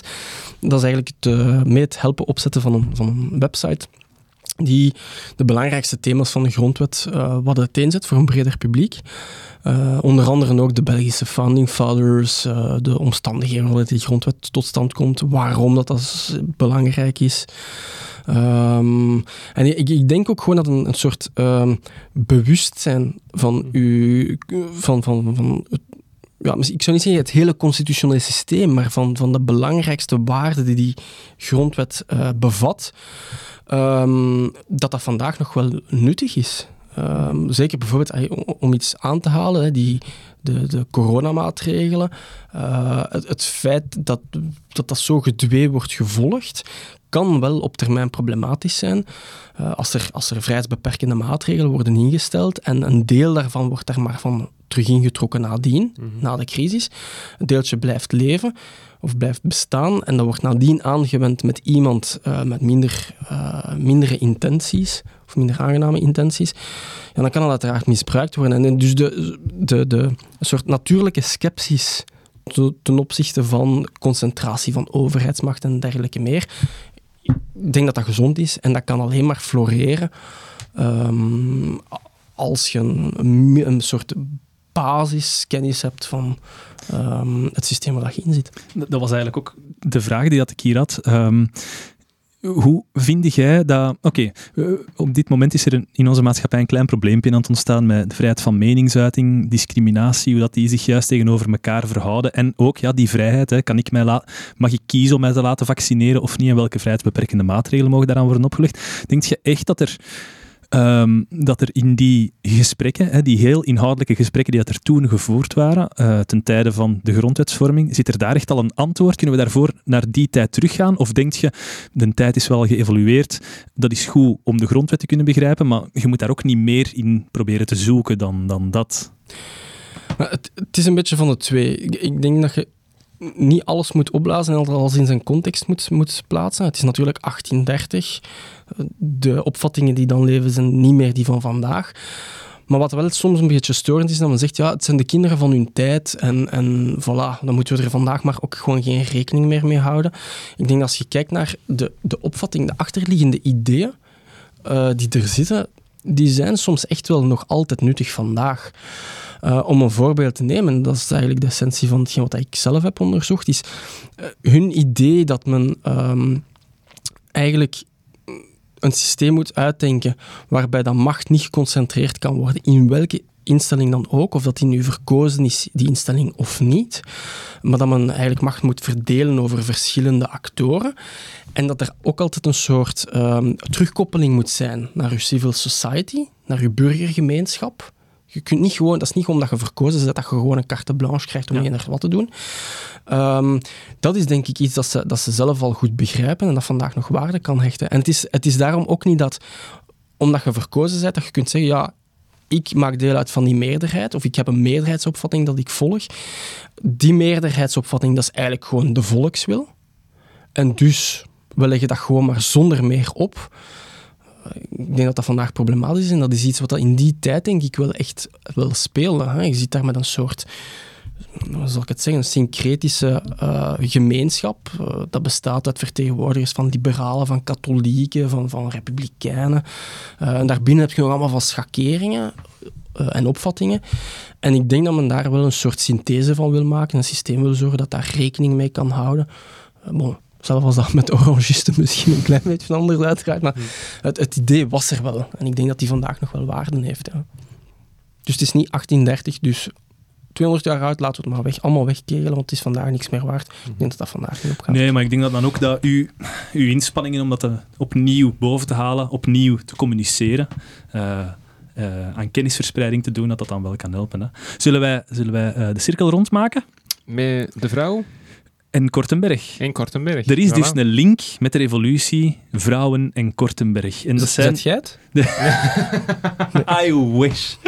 Eh, het zijn de vlaggen. Vlag, vlaggen. Hoe zit dat juist in elkaar? Eh, een, een, een staat, een eh, onafhankelijk, zichzelf onafhankelijk uitgeroepen staat, moet een vlag hebben. Hoe is dat? Is dat duidelijk geweest dat het altijd zwart, geel en rood was? Ik denk het niet. Hè? In de grondwet staat iets anders. Ja, maar volgens mij is men eerst nog begonnen met, met Franse vlaggen. Hè? Is dat niet dat er zo in die eerste revolutiedagen na 25 augustus, de, de Stom van Portugal, dat er wat Franse vlaggen in, in Ah, ja, ja, het straatbeeld begonnen op te duiken? En dat men dan dacht van, ja, dat is misschien toch ook niet de optie. We gaan, we gaan een alternatief voorstellen. Ja. En dat men dan teruggreep naar Naar? Ja, de vlag die eigenlijk al gebruikt was in Ja. de Brabantse omwenteling. Brabantse Ja. Eh, in, in de nasleep van de Franse revolutie dan, dus eh 30 jaar eh, of 40 jaar eerder. En dus de kleuren waren daarvan... Zeg het maar, eh, Steven. Ja, het is dus Ja. ten eerste een horizontale vlag en geen Ja, verticale klopt, vlag. Van klopt. boven rood, dan geel en dan zwart. Dus eigenlijk onze vlag, maar gewoon op zijn kant gedraaid. Eh, en, en dat anders, dat is... Ah, wel, dat was eh, denk ik de, de, de kleur, of de, de, de vlag van de Brabantse omwenteling Ah, ja, ja, ja, ja. ja. Eh, en die geïnspireerd was, eh, als ik mij niet vergis, op gewoon de, de, de vlag van het eh, hertogdom Brabant, zeker. Ja. Dat, ehm, wat was het? Een, een zwarte leeuw? Nee, een, een gouden leeuw op een zwarte af- achtergrond met, met, Gouden tong en klauwen. met- ja, Ja. met gouden tong en klauwen. Ja, die komt nog altijd terug, hè. Ja, oké. ja. Ja, dus dat men daar de kleuren van heeft gehaald, maar dan... ehm, Maar we Eh, die discussie ooit eens gehad, hè. Dat, zo, de, de, je, hebt, dat schilderij van Gustave Wappers, mhm, waar ja. ze dan staan met de Belgische vlag.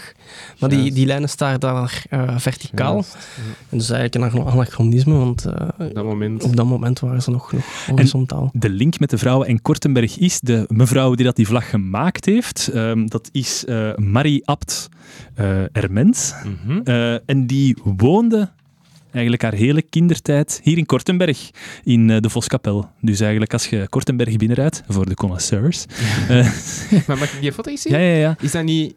Nee, zie, als ik van het station naar hier kom en ik steek de baan over, Ja. zie- is dat dat wat ik zie aan de rechterkant? Nee. Het is, het is ver, het is, het is in Nee, de verte. Het is het, binnenrijden van, eh, het is het binnenrijden van Kortenberg. eh. ah ja, nee, oké, maar je ziet Vanuit ook zo'n torentje, Ja. zie je ook wel aan de Ja, rechterkant. dat kan maar zijn. zal dan nog dat een kan ander zijn, zijn. ja. ja, ja. Maar, maar de, de torentjes staan wel bekend voor eh, vele huizen in Kortenberg en gebouwen in Kortenberg hebben torentjes. Ah, ja, Dat is iets historisch, ja. Dat Ja, is. Kortenberg, hè. Oké, dat was het verhaal van eh, de Belgische Revolutie. Ik heb zin in een pintje, man. Ik kan er echt niet aan doen. Ja.